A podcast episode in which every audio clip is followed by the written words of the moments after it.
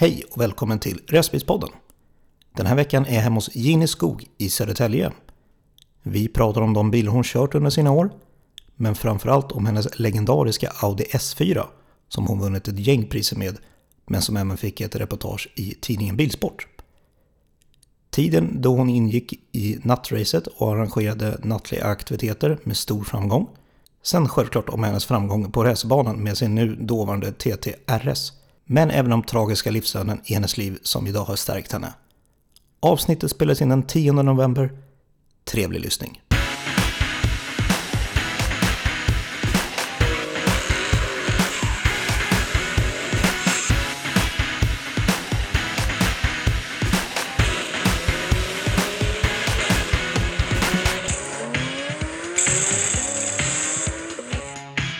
Idag är jag hemma hos Ginny Skog i Södertälje. Hej Ginny! Tjena! Tja! Hur är läget? Det är bra tack. Hur är Ja. det själv? Det är bra, det är bra. Ja. I ett slaskigt Södertälje. Ja, Ja, tråkigt väder måste jag säga. som fan. Bättre med minus 11 och snö. Ja, precis. Lite snabba fakta. Mm. Ålder? Vildo 23. Vildo 23, Nej då, 42 år. 42. Mm. Yrke? Jag jobbar som Key Account på Scania Sverige Okej. och har hand om våra största lastbilskunder där. Mm. Familj? Det har jag. Två barn, tvillingar, sex år. Och sen sambo med Pierre. Förutom bilintresset? Oj. Ja, det har ju fluxerat genom åren. Liksom. Jag är hästtjej från grund och botten. Ja. Och utom bilintresset, kan man ha något annat då höll jag på säga? Nej. det är det enda man gör. Man Ja. liksom äter, sover, lever, bilar. Så det är mycket det. Nej men det är väl både träning och ja, intresse, kompisar kan man väl inte säga riktigt. Men man försöker träffa sina vänner i alla fall. Eh, någonstans, ditt bilintresse, Mm. det har ju funnits med nästan hela ditt liv i alla fall. Ja, det måste jag väl säga. Det började ju, ja, när man var 16 så fick man ju börja övningsköra. Just det.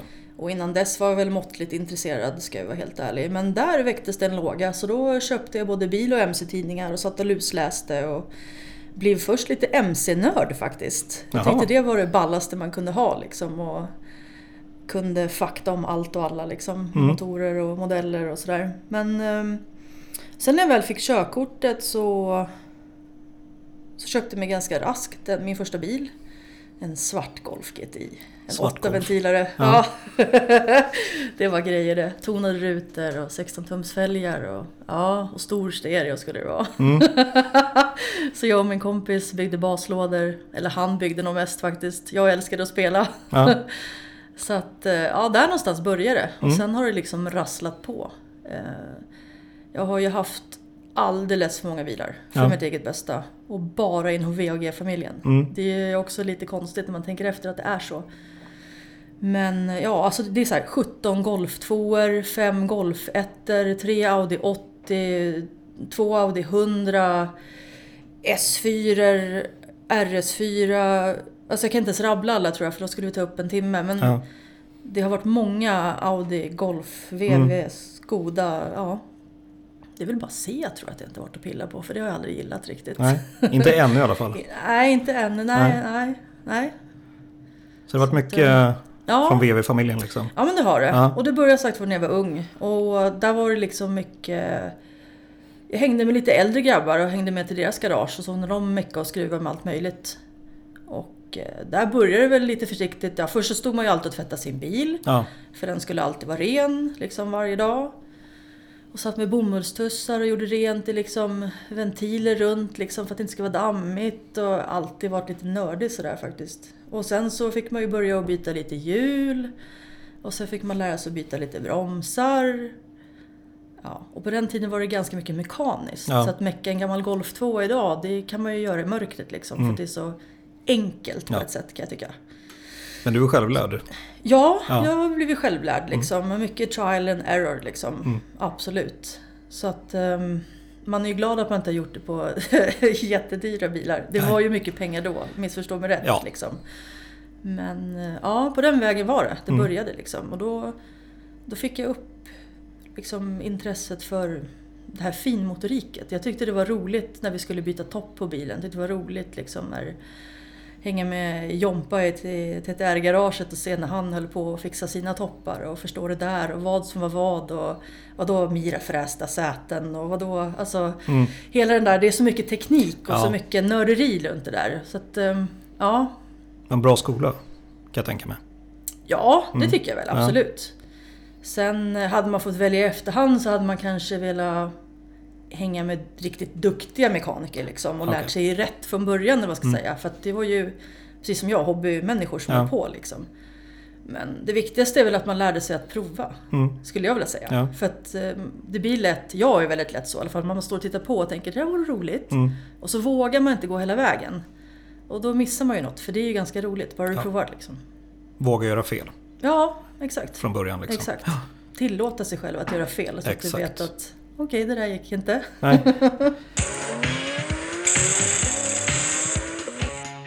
Du är väl mest, åtminstone för mig i alla fall, Mm. din Audi S4. Ja. Ja, en silverfärgad. ja. Nej, Nej, den var... den var kräm eller off-white? Nej. Ja, det var en, en Lambo-färg.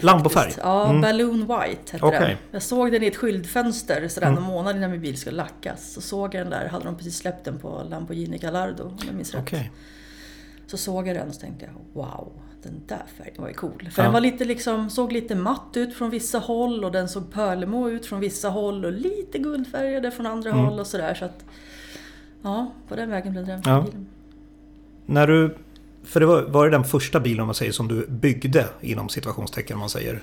Ja, ja sådär jävla extremt i alla Ja. fall. Absolut. För då, jag och min dåvarande sambo Jugge, vi levde ju och bodde och andades i det där garaget. Mm. Alltså för att, ja jag minns det så väl för att återigen, när jag, jag får ju vissa favoritbilar i huvudet. Ja. Och då får jag som en full bild över hur jag vill att det ska se ut, kännas, vara och bli när det är färdigt liksom. Och sen kan jag inte släppa det riktigt. Och just S4 Biturbo var ju en sån bil. Jag vill ha en kombi utan rails. Eh, och så vill jag... RS4 var ju asball ja. redan då, för den kom ju 2001 Mm. och jag byggde min bil 2005. Och då hittade jag ett breddningskit i Tyskland Okej. från Seidel Tuning som jag fastnade för. Mm. Som var 3 cm bredare än RS4. Okej. Tänkte det där låter monstruöst, låt oss prova. Mm. Så det var grönt och fult och kom hem. Jag beställde det året innan jag ens hade köpt en bil. Eh, Så det låg hemma på min balkong, eller våran balkong i Vaxholm. Ja. Eh, Jag kommer ihåg det så väl. Och så hade vi en, en fest, jag kommer inte ihåg födelsedagsfest eller vad det var, halloweenfest eller något. Och folk bara, vad fan har du på balkongen för något? Nej, det är breddningskittet till en S4. S4? Men du har fan ingen S4. Nej, men jag ska ha. så, så redan där någonstans Ja. märker man ju lite grann hur, hur det går. För jag var så, jag var så, jag visste precis vad jag ville att det skulle bli. Liksom. Målinriktad liksom, Ja, på att du köper det som du snubblar över medan det finns. exakt. Och sen så... Ja, för på den tiden var det inte lika vanligt som det är idag med med utstyrsel till bilar höll jag på att säga. Mm. Alltså det är ju mycket, då fick jag beställa det från Tyskland. Ja. Och bara det var ju en rädsla. Mm. Hur ska, kommer det hem helt? Eller vad Ja. gör jag nu liksom? Så, um, Så börjar med ett breddningskit ja. till ingen bil alls kan man väl precis. säga då. Ja, exakt. Och sen hittar du en bil. Sen hittade jag en bil. Ja. Ja. jag hade en, en vanlig A4 Okej. i samma B5-kaross. Mm. Som jag bytte till mig mot en S4. Mhm. Faktiskt, gjorde jag. Som jag sen började bygga på. Ja. Men sen bytte jag ut motor och drivlina och allting mot en smällsak som jag hade köpt löst då. Okej. Så allting blev ju bytt Ja. och uppgraderat och bättre liksom. Men eh, jag kan ju säga det att när jag rullade in den där i garaget och sen så mm, skulle vi börja med breddningskittet. Och eh, ska då skära liksom i, eh, på sidan av bilen. Ja. Då Jag, backade jag kan jag säga. Jag tycker att jag här- känner igen det här för att jag... Ja, det finns ett videoklipp på det. Ja, precis. Mm. För den kommer jag ihåg. Ja, och det var liksom så här spadtaget kan man väl säga. Mm. För då fanns det no return. Ja. Nu gör vi det här. Mm. Eller så kan vi bara skrota den här bilen. Ja. Och då eh, sa jag till min kära vän Palle att eh, snälla du, eh, kan inte du göra det här åt mig? För jag vågar inte. Mm. Eh, och han hade väl, om jag minns rätt så hade han precis gått och utbildat sig till någon plåtslagare eller något sånt där. Så att han bara, ja för fan, nu kör vi! Så jag stod där bak och filmade lite så här försiktigt och lite rätt. Och han bara ja, det här blir väl bra. Så satte han kapen i bilen liksom. Jag bara ja, ja men det här blir kul. Men det gick ju bra till slut. Det gick jättebra. Ja. Och det ska också nämnas att det hade aldrig gått utan alla mina vänner. Alltså, vi hade ju vänner som kom dit och heja eller liksom prata eller hjälpte till. Eller, alltså det är så många som har sett till att det här har funkat. Ja. För att vi åkte till jobbet, sen åkte vi direkt till garaget. Mm. Varje dag. Och sen var vi där till mellan 12 eller 3 på natten. Varje dag. Och sen hem och sov och så upp igen och så gjorde man samma sak igen. Mm. Och helgerna liksom, då var man ju där hela tiden i stort ja. sett. Man åkte bara och käka och sen åkte man tillbaka igen. För att målet var ju att bilen skulle vara klar till Elmia. Mm. För då skulle vi få ställa ut med våra vänner i Norrort Racing. Just det. Skulle vi få göra. Och det var kul, för det hade man ju aldrig gjort innan då. Utan, så det, ja, det var vi och en go-kart som skulle stå där. Okay. På deras monter. Vilket år var det? 2006. 2006. Mm. Nej, det var väldigt speciellt. De monterade ett, ett Sparco-tanklock som skulle flyttas mot för originallock. Många så speciallösningar liksom. Mm. Och sen en annan grej då var ju att, eh, vad hette den filmen nu då med um, Will Smith? När han, iRobot heter den. Ja, just det. Mm. Där har de ju prototypen till eh, R8 mm.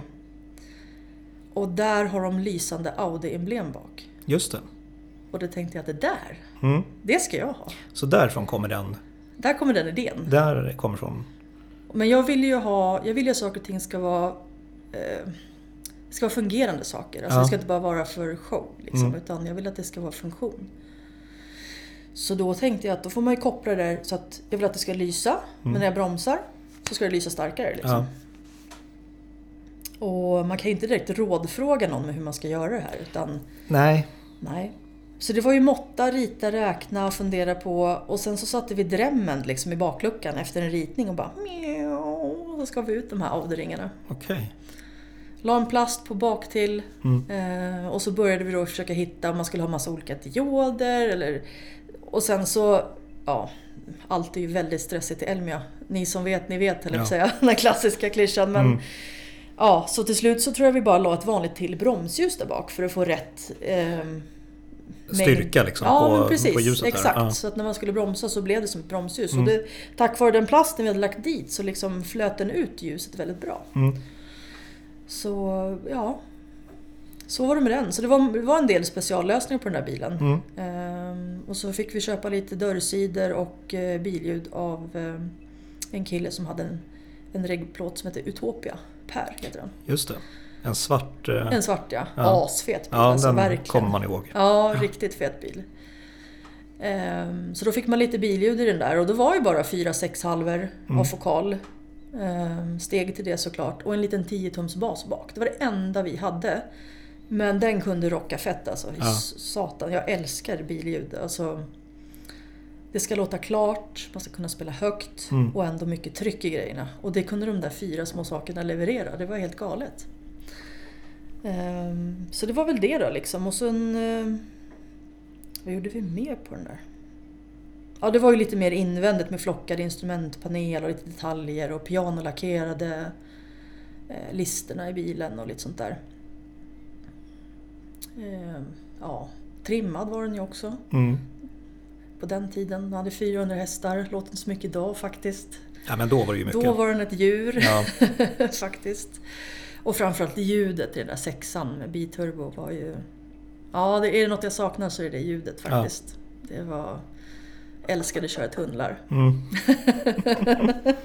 Kom ihåg nu, Vildo 23, Vildo 23. ja, just det. Men du var väl även också med i bilsport med den bilen? Mm, det var jag. Ja. Eh, vi kom ju till Elmia med den där rackaren. Och eh, den gjorde ju en succé som inte jag hade räknat med. Mm. Jag hade byggt en bil som jag gillade. Mm. Eh, som jag tyckte om. Visst, den hade lite, vad ska man säga, inte barnsjukdomar, men lite saker som jag såg när bilen var klar. Att ah, det där var inte jättesnyggt kanske, ja. som jag ville byta ut. Men, men ja, jag kommer ihåg det för att min kompis eh, Richard då, han ringde mig och bara Fan Jenny, vart är du någonstans? Nej, jag är borta vid monter bla bla bla och kollar på något liksom. Du måste komma hit, för nu har Bilsport varit här tre gånger. Och frågat efter dig? Va? Ja, ja. precis. Va? Så de kom ju dit sen och var eld och lågor över mitt bygge. Mm. Eh, och jag var jätteförvånad faktiskt. Eh, så det var jättekul och de pratade och ställde mycket frågor och sen så ville de även göra ett eget reportage då. Mm. Och det gjorde de. Eh, skitnervös var jag. Jag är ju inte den som vill synas egentligen. Och nu var man tvungen på bild. Min bil får ni gärna titta på, kolla vad fin den är. Men jag vill inte vara med på bild. Eh, sådär. Och sen så... Det var väl lite annorlunda då också, att det var en tjej som var med i det Mm. här liksom. Och hela den karusellen. Och jag har ju alltid varit... På den tiden fanns det ett härligt forum, Satsy, Just det. som man hängde på. Mm. Och hette ju Wicked redan då. Eh, och jag utgav mig aldrig för att vara tjej. Liksom. Jag kände inte behovet att... Vad ska man säga? Att folk skulle veta om det. Okej. Utan jag snackade på oavsett liksom. Ja. Jag är jag. Så. Mm. Så det var många som trodde att, jag, hade, trodde att jag var en kille helt enkelt. Ja, det var det. Ja, Ja.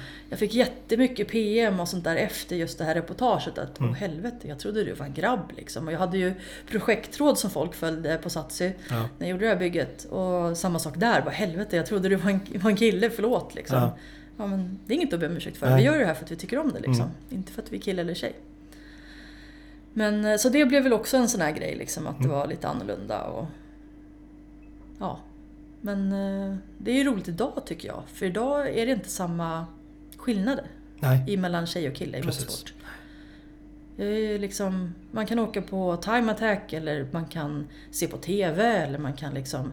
Det är jättemycket tjej- tjejer som håller på idag på ett helt annat sätt Ja, än vad det var då. än vad det var då. Mm. Liksom. Och det är ju skitkul. Ja, verkligen. För motorsport är ju faktiskt en av de sporterna som är rolig på det sättet, Mm. att man tävlar på lika villkor. Ja. Det är du och din bil eh, liksom. om man jämför med fotboll eller hockey eller något Ja men annat. precis, liksom. exakt. Ja. Så är det ju liksom på lika villkor. Det Mm. tycker jag är skitkul. ja, verkligen. Vad hände med den bilen efter det? När du var klar med den så att säga? Jag blev ju aldrig klar. Nej. Nej, alltså saken är den att jag byggde den då för att jag ville börja köra bana. Ja. Eh, Det var där, lite därför jag byggde den. Och ta ut ett stort skåp på bana kan vi diskutera. Mm. Men eh, det ville jag göra. Ehm, Så... Men problemet var, jag tror det var Tullinge i juni som vi åkte till för att jag skulle köra eh, street race där, rakt fram då, Ja. och få en tid. Och hade fixat slicks och grejer. Här skulle det laddas på. och eh, kör väl iväg där och märker att bilen går inget bra. Den Okej. gick alldeles för fett. Mm. Eh, och då hade man ju ingenting om vad vad jobbar med det här liksom. Ja. Nej, så att jag rullade bilen åt sidan och var lite ledsen och ställde den på, på gräset någonstans och gick därifrån. Och sen insåg jag att eh, bilen stod ju bland utställningsbilarna. Mhm. Ja, så helt plötsligt skulle jag rulla in på top 10 som de kallar det på den tiden. Ja. Va? Va? Va? Eh, jaha. Ja, så då fick vi pris då, då för att, eh, ja, eh, bilsport var det ju arrangemang. Mm. Eh, och då blev, blev det lite så här, okej vänta nu. Elmia, tyckte de om den. Nu tyckte de om den. Jag kanske inte har gjort något så jäkla pjåkigt ändå liksom. Nej. Vi anmäler oss till nästa tävling. Mm. Och sen kom jag ju in i utställningssvängen liksom. Så vi åkte ju land och rike runt 2006. På alla möjliga tävlingar. Bilsports alla. För på den tiden hade ju bilsport ganska mycket saker.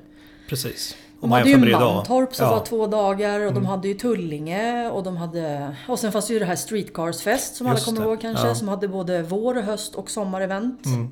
Så det fanns ju mycket mer att åka på då tycker jag. Än vad det gör idag. Det finns mycket idag. Men det är ju lite mindre Ja. tillställningar. Det är inte Eh, bilutställning på samma sätt som det var för 15 år sedan. Jag kanske inte ska uttala mig för det för jag är inte ute på bilställningar så jävla mycket nu. Men vad jag kan se i alla fall så Ja. känns det inte som att det finns samma power. Det finns ju lite Oslo Motor Show, det finns Ja. ju Elmia givetvis och lite sådär. Mm. Men de här... äh, Streetcarsfesten kommer jag väl ihåg för den var Ja. jag på ett par gånger. Men den, den finns ju inte längre. nej, det gör ju inte. Nej. Det gör ju inte det. Men ja, vi åkte på allt det där och eh, det året tog vi ju pris på allt vi åkte på. Utom Elmia då första, då Ja. fick vi inget pris. Men sen tog vi liksom... På 11 utställningar så vann vi 10 och kom tvåa en gång. Oj. Och så fick vi People's Choice på en Audi-träff och det var på någon merstans tror jag. Och det roligaste minnet från 2006 måste jag säga, det är ju Mantorp. Och återigen, ni måste ju komma ihåg att jag hatar ju att synas. Alltså jag, Jag vad är det egentligen? För det är många som jag har träffat. Nej, men det är en osäkerhet hos en Ja, själv. är jag det. gillar inte hur jag ser ut och det är så här, man är obekväm liksom. Ja, Jag är. Mm. jättestolt för min bil liksom. Därför sitter jag gärna i min bil och kör. För jag älskar den liksom, jag är stolt över det jag gjort. Mm.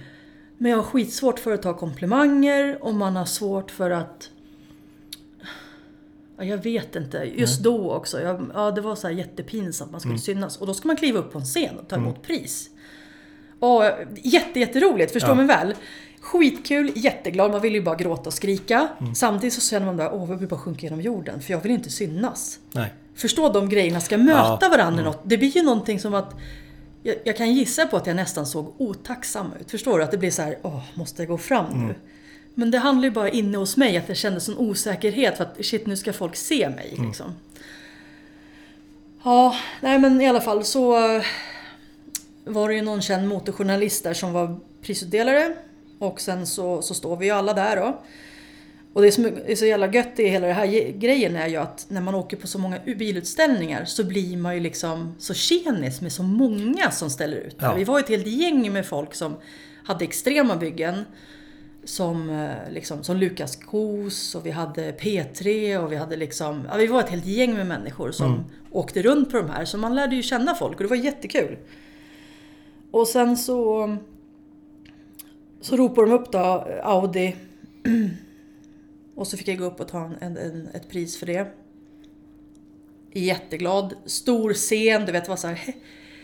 Ja, man ville Ja. liksom bara skrika och hoppa. Bara, Fan, jag har vunnit liksom. För det är så jäkla stort. Det var bästa Audi. Ja. Liksom.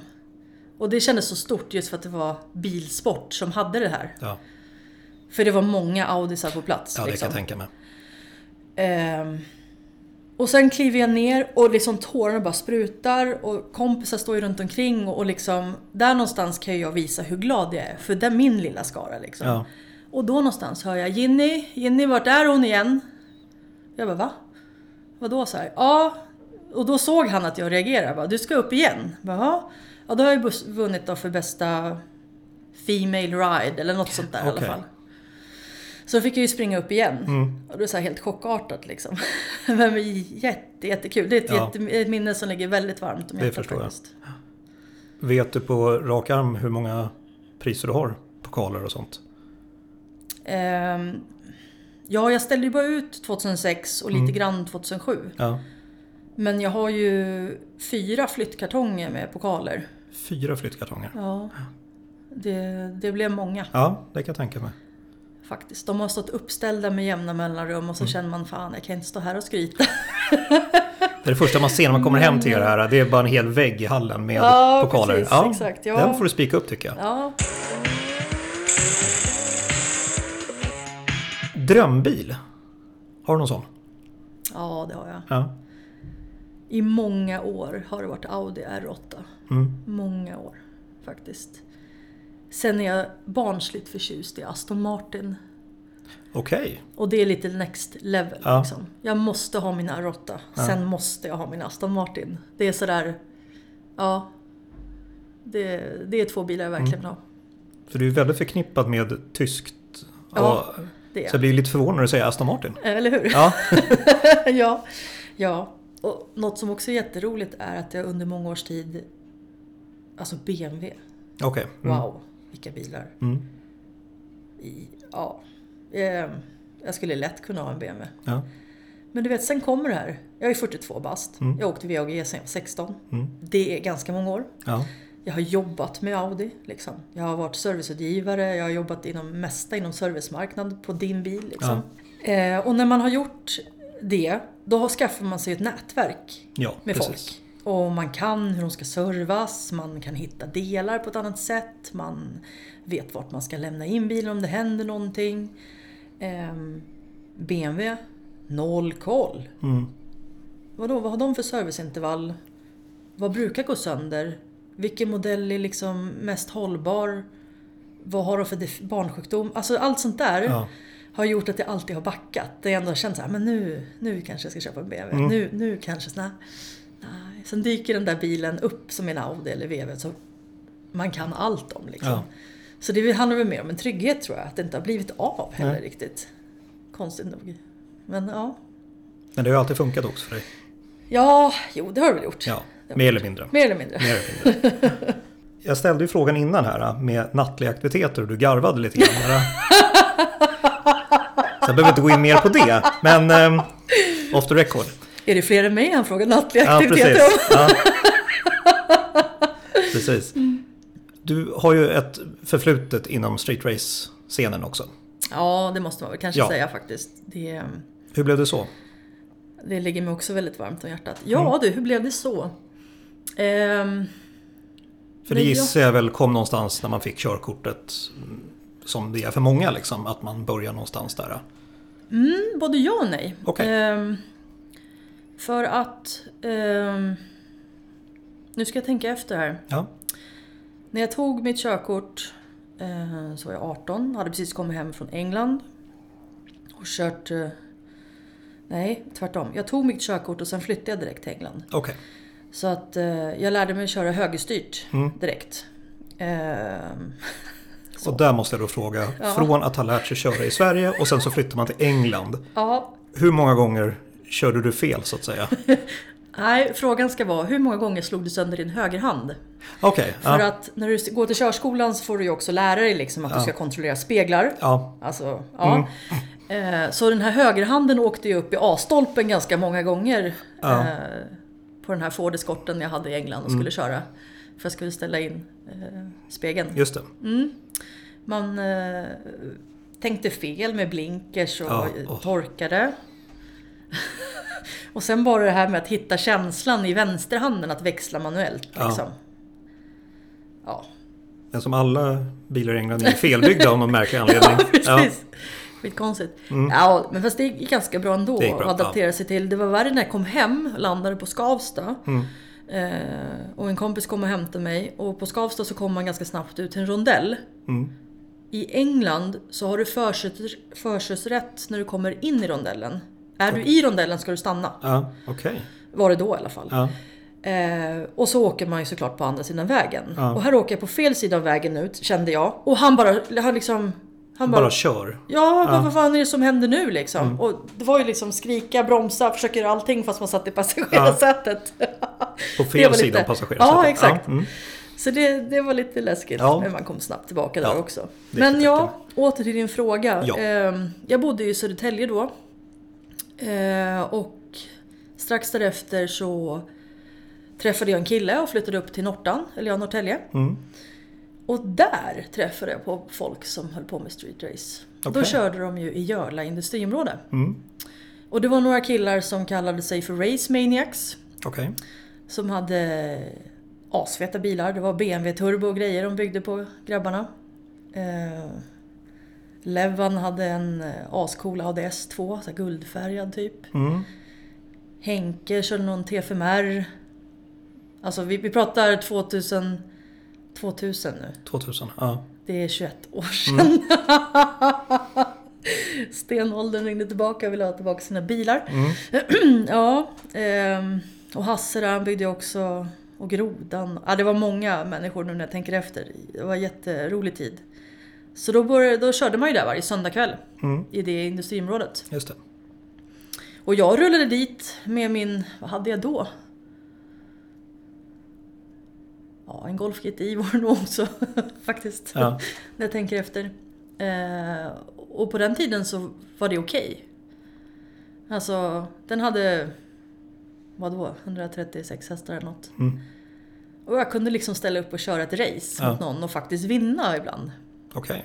Skulle du göra det idag så tror man ju att den bilen har parkerat. Liksom. Ja. Så att det är ganska kul att ha varit med om den här evolutionen Mm. av hur bilar är. Ja. Liksom, faktiskt. Jag menar som när Henke kom med sin T-gul med 300 hästar, det var ju wow. Mm. Ja, det var extremt mycket på den Turbo, femcylindrigt, 300 hästar, 17 tums fälgar. Det Ja. var ju så mycket som var liksom wow. Ja, Idag är det en standardbil från fabrik ja, i vissa fall. ja men precis. Mm. Absolut, så är det ju. Så man har ju lärt sig uppskatta hur mycket effekt känns också. Ja, Alltså, jag kan höra 18-åringar idag sitta och säga fem, har du bara 500 hästar? Det är ingenting. Nej. Min första fråga är, har du ens suttit i en bil som har 500 hästar? Mm. Har du suttit i en turbokonverterad bil som har 500 hästar? Alltså, har du provat det här? Vet du hur det känns? Nej, men jag vet ju, det är inte så mycket liksom. Nej, okej. Nej, det är upp till var och en vad man Ja. tycker. Men 500 hästar i en bil, det känns liksom. Det är roligt. Det är mycket. Mm. Och sen är det upp till en själv att förvalta den här effekten också. Ja. Så att, eh, men ja, nej, det började göra i alla fall. eh, mitt intresse. Och sen så blev jag ju med i det här Race Maniacs. Och vi ordnade en eh, ganska stor bilutställning ute i hamnen faktiskt, gjorde Okej. vi. Där vi bjöd in lite större som eh, TTR-gänget och lite annat folk som hade balla streetracebilar. Och Mm. Det var en jätterolig dag faktiskt och många roliga somrar. Och sen började det här eh, rinna ut lite i sanden på något sätt. Liksom. Man måste ta tag i det här. Så att det var väl 2003 tror jag, där jag kände att nej, jag vill göra något mer än det Ja. Så det startade med mig, Jugge och Paller och Andreas Palberg. Att vi drog ihop lite bilar och skulle köra race. Och vår passion var att det ska göras på säkert sätt. Mm. Det är liksom nummer ett. Man ska ha roligt. Och kom med vad fan du vill för bil. Ja. Liksom. Ingen prestige alls. Kör Så jag köpte kul. ett gäng Red Bull, bjöd in lite folk, frågade om de ville köra. Delade ut Red Bull, berättade så här tänker vi, så här gör vi, förhåll oss till det här och så försöker vi bara ha så roligt som möjligt. Ja. Och det funkade ganska bra. Mm. Så vi behövde ju bli mer folk. så att, eh, ja. Vi höll ju på ganska länge men jag märkte att magiska siffran var ju sju personer. Ja. Man behövde vara sju personer för att kunna hålla den kollen man behövde. För Mm. vi satte ju ut folk en bra bit ifrån från där vi hade tänkt att köra för att hålla koll för poliser och Mm. inkommande bilar. Och, och vi försökte alltid att köra i eh, industriområden i så stor mån som det gick. Just för att oftast bor det inga människor i det området, Ja. även om det kanske ekar till närmast liggande. Liksom. Men det bor inga där och man försöker störa så lite folk som möjligt. Vi Mm. behöver inte stänga av några vägar. Ehm, Och man kan hålla det så säkert som möjligt. Och med det då så skapade vi en 16 bilars stege Okej. som man blev lottad i vem man skulle köra mot. Mm. Ehm, Och vi kallade oss nattracet för vi körde alltid på natten. Ehm, Okej, det var inte svårare än så? Liksom. Det var inte svårare Nej. än så. Nej. För att eh, jag vill, ville väl vara lite rebell också. För vi Mm. hade ju Norrort Racing, Norrort Crew. Vi hade ju Bambi Racing. Och de var ju skitbra på det de gjorde. De hade Ja. ju öppna körningar som det kallades för. Okej. Kom dit med din bil, linea upp och kör. Mm. Och de var jättebra och jättestora liksom. Medan vi blev jättebra på våran stege. Okej.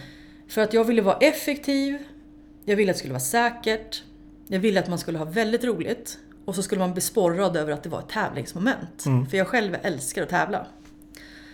Så då, om jag ska tänka efter lite nu och färska upp minnet så... Ja, man fick ju anmäla sig via Satsy. Mhm. Där la jag ut en länk liksom, typ att anmäla er här. För den evenemangssidan var ju stängd för utomstående så att säga. Man var ju tvungen att vara medlem och hej och hå för Ja. att man skulle se den där sidan. Så man skrev ju inte ut så mycket info där utan Nej. det fick man ju sen när man anmält sig. Och eh, så behöll jag det här med konceptet med att jag bjöd på en Red Bull liksom vid förarmötet då, då som vi alltid hade. Mm. Man fick ta med sig en bil extra eh, utöver sin egen då. Okej. Och sen om du ville ha med en SL-buss så var det väl så då. Och du ville fylla den där SL-bussen så var det så. Men vi bad dem att hålla ner antalet folk och bilar. Just Ja. för att händer det någonting så måste vi fort, liksom, snabbt kunna flytta på oss. Mm. Och då redan 16 bilar tävlande plus 16 bilar med. Plus våra egna bilar. Det blir ju ganska mycket bil ändå Ja, som gud, ska ja. flytta på sig. Ja. Eh, och så försökte vi bara köra på en raka vid varje tillfälle. Så vi körde kanske i Brunna ena gången och så körde vi på Görla en gång och så körde vi i Kista en gång och sen så i Märsta en gång. Och sen så hade vi finalen någonstans. Okej. Så man samlade poäng eh, under varje deltävling. Mm. Och sen gick man vidare då. Och där ordnade vi alltid med lite fyrverkerier och marschaller och pokaler och priser och sådär. Och det var väldigt uppskattat. Ja, det låter som det tycker jag. För jag, det låter väldigt trevligt när du Ja. förklarar det. Ja men det var väldigt trevligt. Det var Ja. många liksom som anmälde sig igen och igen och igen. Så det var många som kände igen sig liksom Ja. i det där. Och, Och det blev en kul grej. Och vi, vi var väldigt noga med att vi hade oftast samling sam, var, samma tid. Kvart över tolv skulle vi samlas. Mm. Och då ville vi att de skulle komma kvart över tolv. Inte tio över tolv, inte 20 över tolv, utan kvart över tolv. Ja. Och jag vet att folk har uppfattat mig som väldigt barsk kanske och väldigt styrande och väldigt mycket besserwisser. Och det är det minsta jag vill vara. Men när jag tror på någonting så hårt och när jag har den här visionen igen, liksom, så Ja. här ska det bli. Då blir jag väldigt bestämd i mitt sätt att vara. För jag vill verkligen att det ska fungera. För jag vill ju ge de som kommer till mig till en väldigt bra upplevelse. ja, såklart. Och de var ju så jäkla duktiga så att jag kunde ju stå där 14 över 12, inte en bil. Sen bara kolla på klockan, bara, nu är det 30 sekunder kvar. Då, bara, mm, då kom första ekipaget. Ja. Och när klockan var kanske 16-17 över hade alla parkerat, alla hade samlats, stod och väntade på förmötet som skulle hållas halv. Ja, Eh, och en riktigt bra dag då, då var ju vi klara inom 30 minuter. Då hade vi haft förmöte, de hade linat upp, de hade fått sina nummer på rutan. Vi hade bränt av hela stegen och vi var klara. Mm. Så jag tror att själva stegkörningen hade vi som rekord på 11 minuter någonting att köra. Oj. Hela stegen. Ja, det var snabbt. herregud. Mm. Och det här ryktet nådde ju gatubil också. Mm. Eh, så de eh, hörde av sig till mig och undrade ett, hur fan gör ni? Vi får inte ha med några kameror på sådana här event för det, polisen beslagtar det. Ja. Två, ni filmar den här skiten också. Det här är ju jättekul. Hur, hur, hur går det här till? Vi ska ha ett event i Sverige. För det var ju det här, eh, under de här åren som det föddes då, att gatubil kom till Sverige som de nu arrangerar på Mantorp och sådär. Just det. Så de undrade om jag kunde dra ihop ett event för deras skull. Och eh, det här var en onsdag. Och då sa vi kommer till Sverige i helgen, liksom, på fredag. Kan du styra ihop ett event? Och min hjärna direkt liksom, ja det är klart som fan du måste göra det här Jenny, det är ju Ja. ascoolt. Gatubil liksom, kommer med sin taxi och ska hit. Så då var det bara att höra av sig till alla i gänget bara, du fredag vad gör ni? Ska vi köra ett race? Gatubil vill komma liksom. Och alla blev ju supertaggade. Såklart. Men vi måste göra något mer, vi kan ju inte ha en 16 bilars stege på 12 minuter. Nej. Vilken raka ska vi köra på? Vart är det minst poliser? Liksom hur, vilka vill vara med på det här? Vi måste få in riktigt feta bilar liksom. För återigen, i nattracet har det aldrig varit prestige med att du måste ha en 1000 hästars bil. Eller, det. det har ju varit allt från Saab. Eh, förlåt Tobbe, du har en väldigt ball Saab, men Saab var med. Eh, vi har ju haft liksom en Jeep, Cherokee har varit med. Ja. Vi- Visserligen SRT8, men i alla fall. Vi har haft som, som Blandning av bilar. Blandning av bilar för Ja. alla har känt sig välkomna liksom. Och vi har haft eh, liksom rena skalbyggen som har kommit dit, en S2 liksom. Med, med allt möjligt sådär. Så att, det var ju bara att ringa runt. Eller mejla runt och Ja. berätta läget. Så här ska vi göra. Så vi får ihop en 32 bilars stege Oj jäklar. och kör den i Brunna. Mm. Och vi kör ju samma koncept som vanligt. Och norrmännen springer omkring där. De är ju helt, och det, vi fick in så jäkla balla bilar alltså. Ja. Så det var ju också en sån här riktigt minnesdag liksom. Mm. Och sen fick jag och en till följa med dem till Mantorp sen senare för att provköra deras bansträckning de ville ha på Mantorp. Okej. För de var tvungna att sätta ut lite koner och grejer för att man skulle köra där. Då. Så då åkte jag och Runan ner med hans Skyline och min S4 och fick göra det också sen någon helg senare. Så det var också väldigt, väldigt roligt. Ja, det förstår jag. Så att, ehm, ja. Och vi höll ju på, ja vi smygstartade ja, 2004 tror jag vi startade på riktigt. Och körde väl väldigt mycket 2005, 6, 7, 8. Och sen så låg det lite på is. Och sen har vi ju även lagt till det vi kallas för kultur Okej. i vår event. Och det är ju... Då samlar jag ett gäng bilar. Eh, och vad brukar vi vara? 30-40 bilar kanske. Där jag delar in dem i 5-6 bilar i klunga.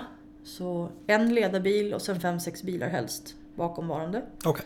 Och sen åker vi ut på skitroliga små vägar. Antingen norrort eller söderort. Och så börjar vi kanske med en frukost. Och så åker vi iväg och så kör vi kanske en timme och så får man en fika och snacka av sig lite. Och sen så kör man vidare i en, en och en halv, två timmar till. Och avslutar med någon form av lunch eller någonting sånt där. Okej. Och det var också ett event som blev väldigt omtyckt. Ja. Ehm, för där var det ju också mindre prestige i vad du har för någonting. Ja. Liksom. Så Putte har ju sladdat med i sin lilla Golf liksom och tappat ett hjul eller två men ändå tyckte att det var kul. Och, ja, jag har ju kört med mina bilar eller lånat de bilar, inte haft någon och sådär för Mm. att vara ledarbil. Och visst, man kör ju bitvis inspirerat, det Ja. gör man liksom. Eh, Men där det är 30 och där det bor, där har vi alltid tagit igång fart liksom. Mm. Och sen så sparkar man igång igen liksom. Så det var väl det som nattracet gjorde då. Mm. Och vi körde väl även lite, just kulturen körde vi lite i början av 2011, någonstans 12 kanske. Mm. Men jag får PM än idag. Fan Ginny, kan inte dra ihop några race liksom? Ja, det är fortfarande. Ja, faktiskt. Det är några härliga gamla förare som Ja. vill vara med. Vad hände med nattracet då efter 2010 där? Sa du? Ja, jag flyttade till Södertälje 2008 Ja, och sen så började ju bilmentaliteten ändra sig också. ja det var så. Eh, Det är ju liksom, det är ju bara att titta vilka bilar som kom den eran Mm. och hela Fast and the Furious-grejen var över och liksom bilar började utvecklas och det blev så mycket effekt. Ja, och säkerhet på det sättet vi kunde ordna det. Liksom, ju mer effekt en bil har och du ska köra rakt fram, desto bredare väg behöver du egentligen ha. Det är därför de Såklart. kör på motorvägen med dessa Ja. monster. För att du behöver liksom utrymme. Mm. Du behöver säkerhet. Och kör du ett industriområde, det är ju inte anpassat för det. nej. Så det var väl lite där jag kände också liksom att det börjar bli alldeles för vassa bilar. Okej. Eh, jag, jag kan inte... Ta ansvar för Nej, den precis. volymen av effekt och Exakt. allt det där. Exakt. Utan då måste man... Och jag vet att ehm, en kille i Norrtälje kontaktade mig, jag kommer inte ihåg vilket år det var nu då, men, och ville att vi skulle köra lagliga race. Okej. Eh, för han försökte få till det själv, Glenn Mm. Ocklund. Mm. Ehm, och det ville jag haka på lite för att det... Visst, själva spänningsmomentet som många söker försvinner ju om man kör lagligt event. Mm. Vi hade ändå haft Black Race ute i några år som hade provat. Som hade gått ganska bra kan jag Ja. tycka ändå. Men många ville ju inte köra där för att det här katt och lek-grejen försvinner ju lite grann Mm. då om det är lagligt. Vilket jag förstår, det är ju en adrenalingrej. Jag själv kan tycka att det är lite kul, liksom, Mm. absolut. Men att kunna... Så då bestämde jag mig där någonstans, okej, men då provar vi att göra en laglig final. Mm. För polisen i Norrtälje visste ju mycket väl vem jag var. Ja. Och trodde ju inte alls på att jag skulle göra det här. och tyckte väl inte jättebra om mig heller, det vilket jag kan förstå. Så vi satte in en sporre och gjorde ett lagligt event och det var väl 2007 om jag minns rätt. Okej. Eh, Då stripade vi upp lite bilar och gjorde reklam för liksom nattracet, lagligt eh, event eller så bla bla med datum och grejer och ladda på som 17 med allt möjligt liksom. Och I den här vevan, jag vet att, jag kommer inte ihåg vilket bilprogram det var, men det var något bilprogram med hon Sofia Wistam, Sofie Propp höll jag på säga.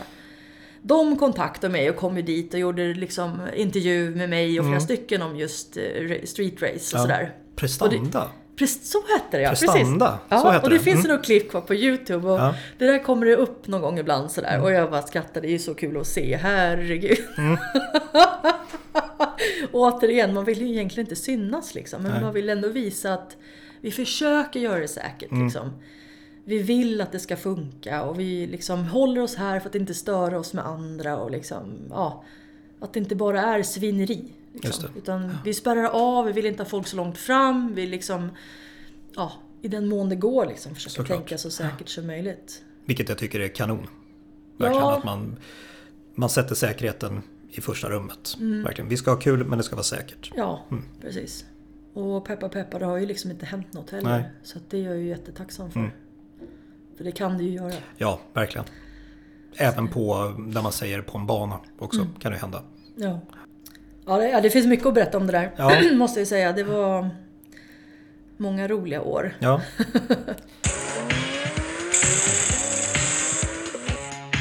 Men sen så lämnar du gatan så att säga Mm. och gick in på racebanan.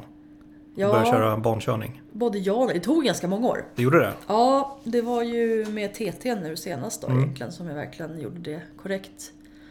Jag... Eh, som sagt, vi flyttade till Södertälje 2008. Eh, och eh, 2009 köpte vi tillbaka våran eh, Golf R32. Okej. Eh, som Jugge hade köpt ny en gång i tiden då, 2003. Mm. Och den bilen turbokonverterade vi. Eh, vi, eh, det var ju en dröm vi hade haft att göra redan då egentligen, när vi Ja. ägde den första gången. Men livet är ju vad livet är så det, det fanns inte plats och tid och rum. Så vi byggde S4 däremellan och sen så köpte vi tillbaka golfen. Och det var ju roligt, vi, hade, vi körde väldigt mycket med den här golfen original. Så när vi sålde den hade den gått 9 och 3. Och när vi köpte tillbaka den hade den gått 12 och 4 på Oj. tre år. Ja. Så liksom, det var som att komma hem igen. Mm. Man kände igen sin bil. Liksom. Ja. Så vi köpte den och eh, beställde hem på vinst eller förlust ett turbokit från USA. Okej. Och eh, i och med det så skulle vi då skicka den här styrboxen till USA för mappning. Mm.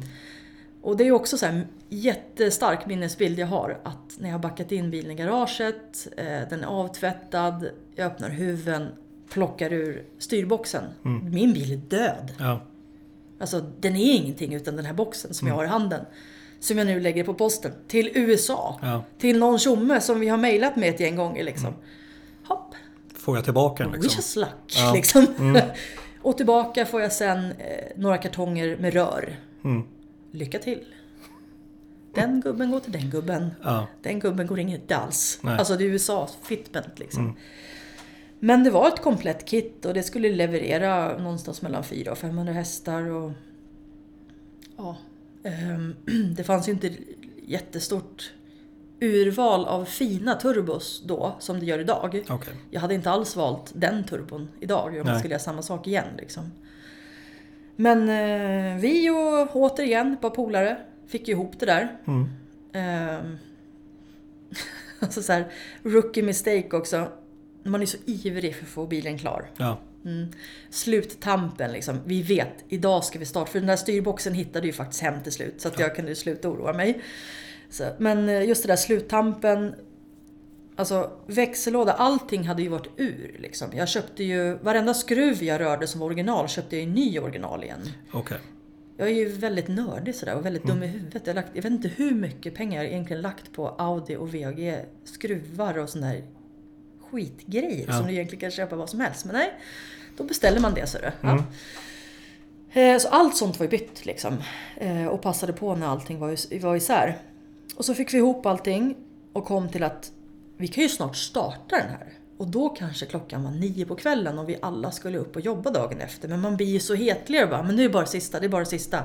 Vi ska få ihop den här. Och stressa, stressa, stressa. Kastar igen huven.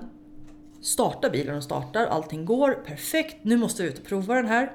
För att göra en lång historia lite kortare. Ja.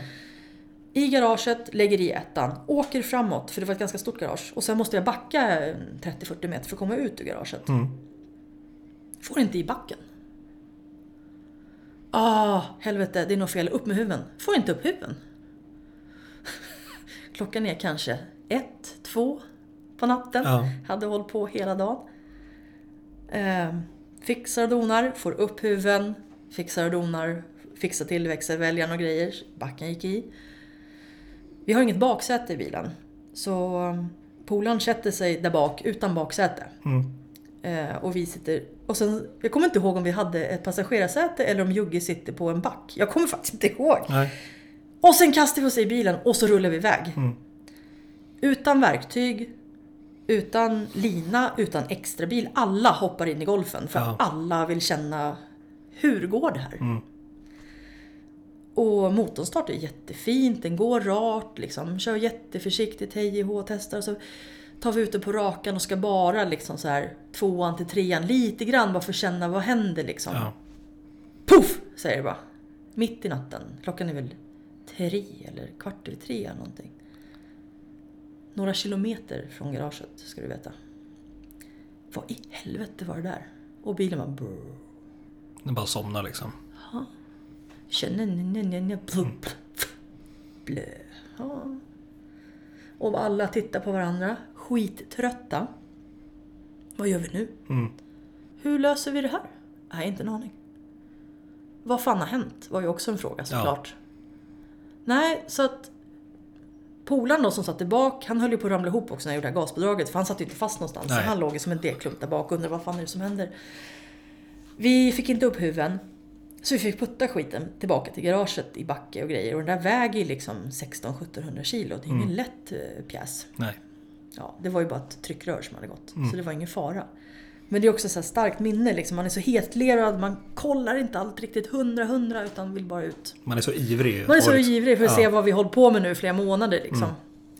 Ja, det var ju helt fantastiskt. Men ehm, ja, där började Golf R2-livet. Eh, Folierade den och köpte lite andra fälgar och ja, var ute och, och stekte runt med den liksom. Mm. Eh, och det var jättekul faktiskt. Det var en fantastisk bil eh, med turbo. Väldigt. För R2, just MK4 låter så speciellt. Ja. Eh, den låter inte likadant som MK5 gör. Eh, det, är, det är någonting annat. Men det är en lite annan topp och sådär också så det har väl sitt till liksom. Men ehm, ja, den skapade många, många glädjestunder. Och en eh, rolig bil att köra den här kulturen med framförallt var det. Eh, Jag hade, en kille har en, en Porsche 930 om jag minns rätt som har varit med mig ganska många gånger på kulturen och han vill alltid lägga sig precis bakom mig. Okej. För vi har lika mycket stora horn i, i, I huvudet. i huvudet ja, Mm. precis. Och han, eh, han kör fantastiskt bra och han bil är helt magisk. Jag vet inte om du har sett den, en, en militärgrön sak. Det är inget som ringer i Nej, jag någon ska klocka i visa alla dig fall. sen. Den, Ja. är, den är fantastisk den bilen. Mm. Ehm, Så vi har ju battlat några gånger och gjort, jag ska inte gå in på detaljer för då kommer folk häpna men ehm, Ja, jag ville ju alltid köra ifrån honom helt Ja. enkelt. Det var ju mitt mål och han låg alltid och retade mig i rumpan så här liksom. Nej men Mm. det går inte. Så att ehm, det är också så roliga minnen med den där bilen. Mycket roliga minnen. Och sen ehm, blir jag gravid faktiskt. Mm. Eh, och vi får även ett till vad heter reportage med bilsport. Med just den här golfen då. Just det. För det är Ja. någonting som långt i bakhuvudet har jag för mig att den var med Ja, i precis. 2011 11. eh, Mm. träffar vi Bosse Lundvang, kommer ner hit eh, och gör reportage och tar fantastiskt fina bilder Mm. faktiskt. Och det var ju också jättekul. Ja. Absolut. Det är ju en ära att få vara med i den där tidningen liksom. Ja, gud ja. Så det var roligt. Ehm, Däremot det som var mindre roligt var ju att jag sen ehm, förlorade det här barnet. Just det. Eh, Jag åker in i vecka 41 med fullt verkarbete liksom. Glad i hågen. Folk frågar hur det går och jag säger nu är jag på väg. Yay, hör av det sen liksom. Mm. Och för att göra en jättelång historia väldigt kort så eh, när vi kommer in till sjukhuset då, då och de ska koppla upp alla maskiner och se hur barnets hjärta slår så hittar de inte det. Nej. Det tar flera timmar liksom innan det konstateras att, att han är död. Mm. Så då får man eh, föda ut det här barnet och där då vill man bara säga skär upp mig, slit ut det. Jag Ja. vill hem liksom. Jag vill inte vara här längre. Ehm, och hela den där händelsen har ju verkligen... Ja, det förstörde ju mig något enormt. Det förstörde oss liksom. Såklart. Det är ju... Livet ställs ju på sin spets där. Mm. Och det kändes ju så tomt. Alltså... Jag tror alla som är föräldrar kan förstå den här känslan av att just förväntningen som, som första gångs förälder, att man, man köper barnvagn, man köper barnsäng. Eh, man följer den här graviditeten jättenoga liksom och ser fram emot att ett barn ska komma av det liksom. Mm. Och så gör det inte det. Utan du får ligga kvar där på BB och föda det här barnet som en normal födsel. Och liksom, det gick bra men ibland så kunde jag under den här förlossningen så stannade jag upp och bara Vad fan gör jag det här för? Mm. Jag kämpar och kämpar men mitt barn är dött. Liksom. Jag kommer inte komma något kul av det här. Nej. Och sen var det bara att fortsätta igen och få ut honom. Liksom. Och sen på morgonen så föddes han ju och såg ut som en liten sovande bebis. Liksom. Det här är så jävla hemskt. Ja, jag förstår det.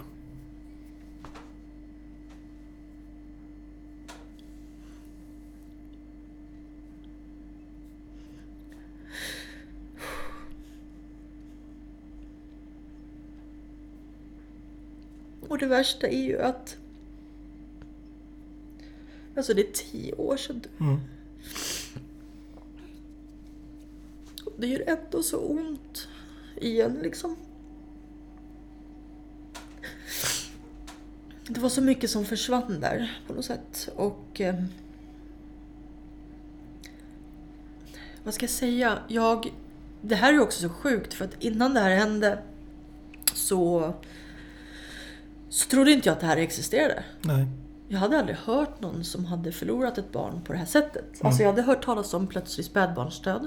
Eh, att, att ett litet barn kan dö liksom, hemma i sin vagga.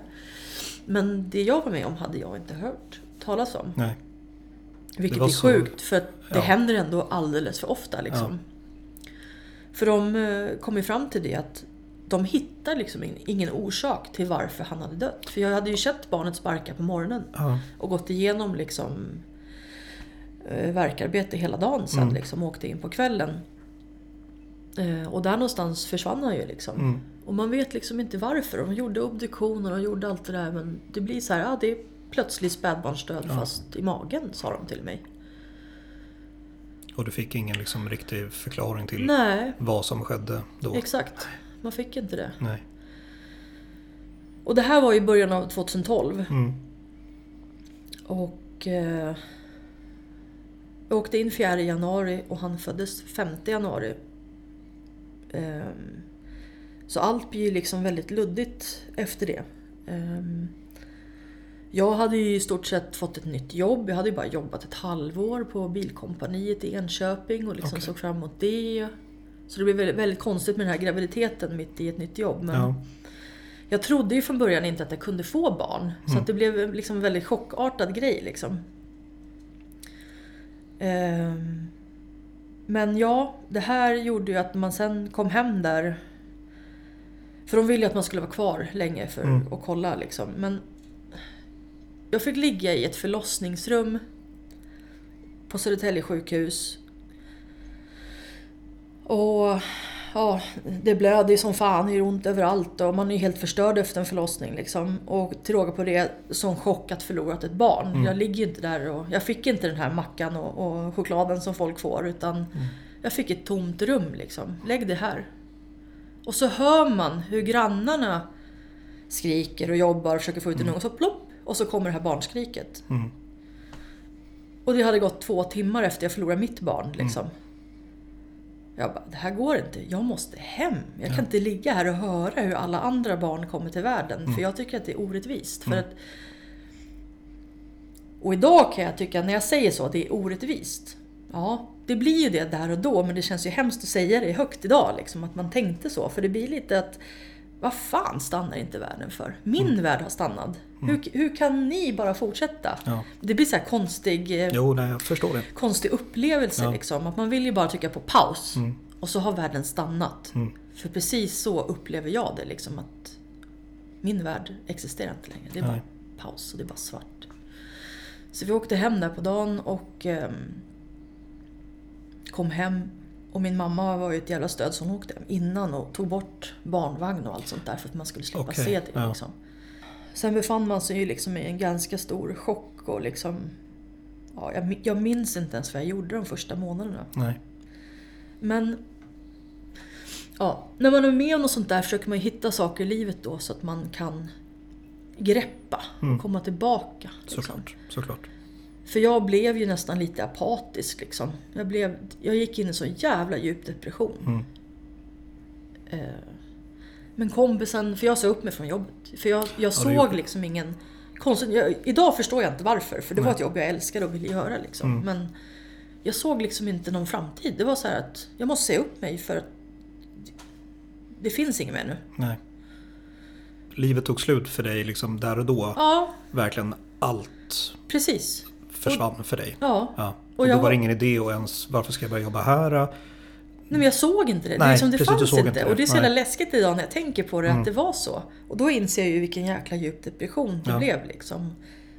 Eh, faktiskt. Mm. Och um, hur mycket man går in i sig själv. Liksom. Mm. Jag satt bara hemma. Jag satt i soffan liksom. Och det Ja. var liksom, hopp. Och så kunde jag ställa upp ibland och bara känna på magen och bara känna nästan känslan av hur det var när han sparkade i magen. Och bara, det är helt tomt Mm. nu. Vad gör jag liksom? Vilket är ganska lustigt för att fram tills jag blev gravid har jag aldrig varit direkt barnkär. Jag har aldrig känt att shit, jag ska bli mamma jämt. Mm. Liksom. Det har aldrig varit ett mål i mitt liv. Men när man väl har kommit så här långt så det händer ju väldigt mycket under en graviditet. Ja, den, må, ja. de månaderna. Liksom. Man utvecklar sig själv på ett sätt och ja, det blir ju en viss förberedelse. Ja. Liksom. Vad fick du för hjälp efter händelsen så att säga? Ja, en grej som jag vill säga om det är fler eh, tjejer som ska bli mammor och lyssna på det här är att Mm. skaffa dig en bra gravidförsäkring. Ta inte den som är gratis, betala den där tusenlappen. Mm. Jag tog den som var gratis. Eh, och pengar all ära gör ju ingen skillnad, Nej. det ska ju sägas. Men när du inte kan jobba och du kan inte liksom leva så ska den här skiten fungera ändå. Mm. Men det är så mycket pappersarbete. Det är så mycket försäkringar, det är så mycket du ska fylla i. Jag hade aldrig klarat det. Det var ju min mamma och mina närmaste som fick hjälpa mig med det Ja. här. Liksom. Men det var så mycket. Du vet begravningar, obduktioner. Allt skulle liksom fixas och man sitter bara där och gapar helt apatisk och bara va? Ska jag göra det här? Mm. Det går inte. Och eh, ett, ett, en käftsmäll för att backa tillbaka till just det här med försäkring Ja. var att de värderade mitt barns liv med 10 000 kronor. Alltså jag blir helt tyst nu. Men alltså Ja, hur... exakt. Det är så hur- man känner. Ja. Här har jag förlorat mitt barn. Och det är ju fint att pengar ska betalas ut och sådär för det hjälper ju som sagt när du inte jobbar och hej och. Mm. Man vill ju att saker och ting ska fungera fast Ja. allting har stannat. Det blir så här jättekonstig paradox. Men just det där liksom, livförsäkring 10 000 kronor för förlorat barn. Mm. Hade jag betalat hade jag fått 100 000. Mm. Och jag vill säga det på rätt sätt. För att det var, det var just det här, det kändes som att de värderade mitt barns liv med 10 000. Vad är 10 000? Det är ingenting. Det är ingenting. Man vill ju ha flera miljoner. För, alltså för det Mm, går ju ja. liksom inte att mäta men just 10 000 kändes som att jag har otur. Mm. Här får du 10 000. Synd. Det var Gå inte vidare. värt mer liksom Nej, men för dem i det läget. Exakt, Ja. det är jättekonstigt att prata om egentligen och sätta Ja. Mm. pengar i spel till död. Det är inte det jag vill göra egentligen. Men just den här känslan som det kändes att, vad fan. Eh, va? Jag hade gärna skippat de här pengarna ens, för jag vill inte känna det här det jag kände när jag Mm. Nej. fick dem. Liksom. Det blev sån jävla... Här, Mm. gå vidare. Ja, jäkla berg och dalbana. Ja. Men, ehm, och som sagt då, så vill man ju greppa efter något som gör en glad Mm. mitt i allt det här. Man vill ju, man har ju en överlevnadsinstinkt som heter duga. Ja. Man säger till folk så här, fan vad stark du är. Men i grund och botten, du har ju inget val. Nej. Alltså du har ju valet att leva ditt liv eller att ta ditt liv e- egentligen. Mm. Alltså, är du inte stark så lever du inte. Nej, precis. Man får liksom inget val i livet egentligen för att jag vill ju leva. Så det var ju aldrig tanken. Nej. Men man måste ju liksom utstå allt skit. Man måste känna alla de här känslorna. Man måste gå igenom det här liksom. Och, ja, och då är jag väldigt glad att jag hade min bil i garaget. Mm. För att ehm, ja, några månader senare så försökte jag ju då komma vidare. Eh, och då tänkte jag, vi kör ihop en kul tur. Liksom. Mm. Det är många av mina vänner som vill göra det här. Liksom, Mm. och jag tar ut golfen en gång och gör det här. Liksom. Så vi gjorde det och det var jätteroligt. Men då rasade jag lådan på golfen. Okej. Ja. Gör jag. Eh, ute i Brottby. Mm. På, I skogarna där. Och det löste sig ju med allt Ja. vad det hette liksom. Men just det där också. Då körde jag in bilen i garaget igen. Och så ett, hittade en låda till en Golf R2. Mm. Inte jättelätt. Men jag lyckades med det i alla fall. Och så var det en kompis som hette Tobbe Englund som ställde upp jättemycket och hjälpte oss att försöka byta den här lådan. Okej. Och vi kom så långt så att nya lådan satt på plats. Drivaxlar på. Och sen så är, för att ja, förminska lite, lite bultar till och sen var saken, alltså lufta grejerna och sen var bilen klar. Men där någonstans, då dog det för oss. Mm. Varken jag eller Jugge liksom hade orken. För då kom det ju tillbaka liksom. Det har ju bara gått tre, fyra månader sedan Ja. vi förlorade pojken liksom. Och då bara såhär, nej jag orkar inte. Så då stod den. Mm. Då stod bilen där. Som ett R istället. Ja.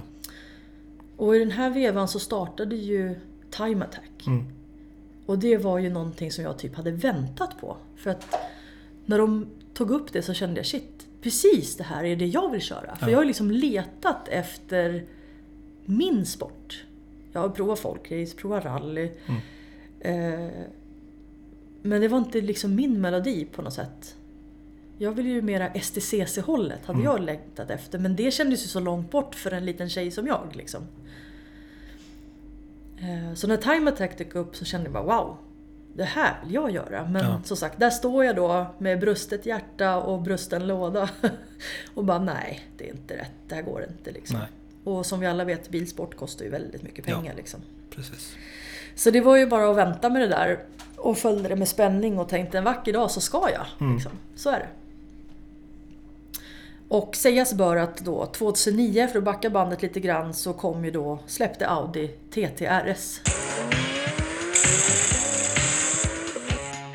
Och min goda vän eh, Fredrik Janse jobbade då på VGS här nere i Södertälje. Mm.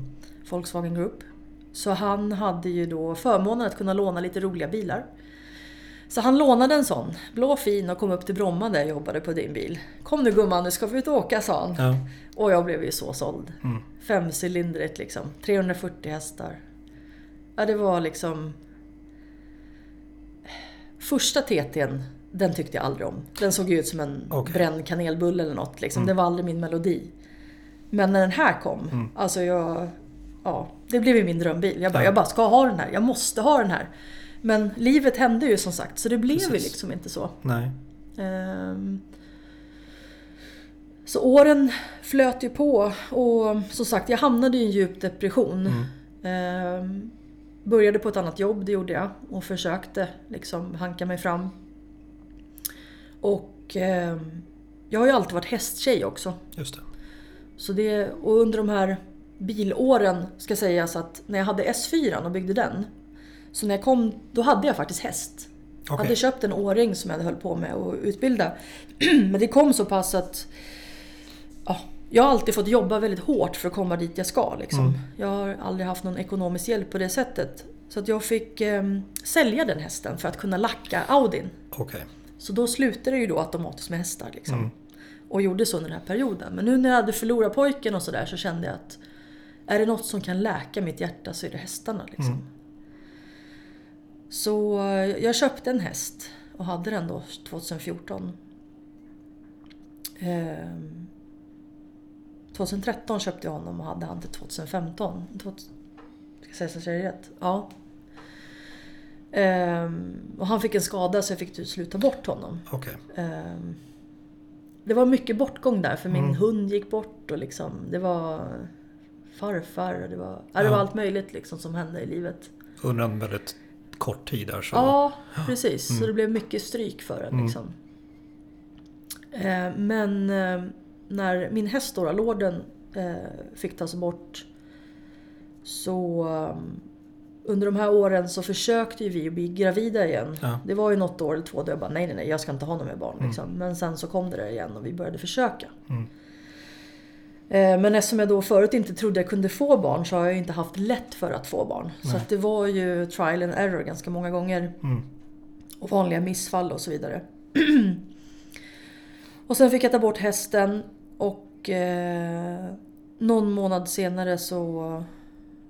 Eh, jag blandar nog ihop åren nu för det här är nog 2014 men skitsamma. Jag fick ta bort hästen och någon månad senare så fick jag reda på att jag var gravid då. då. Mm.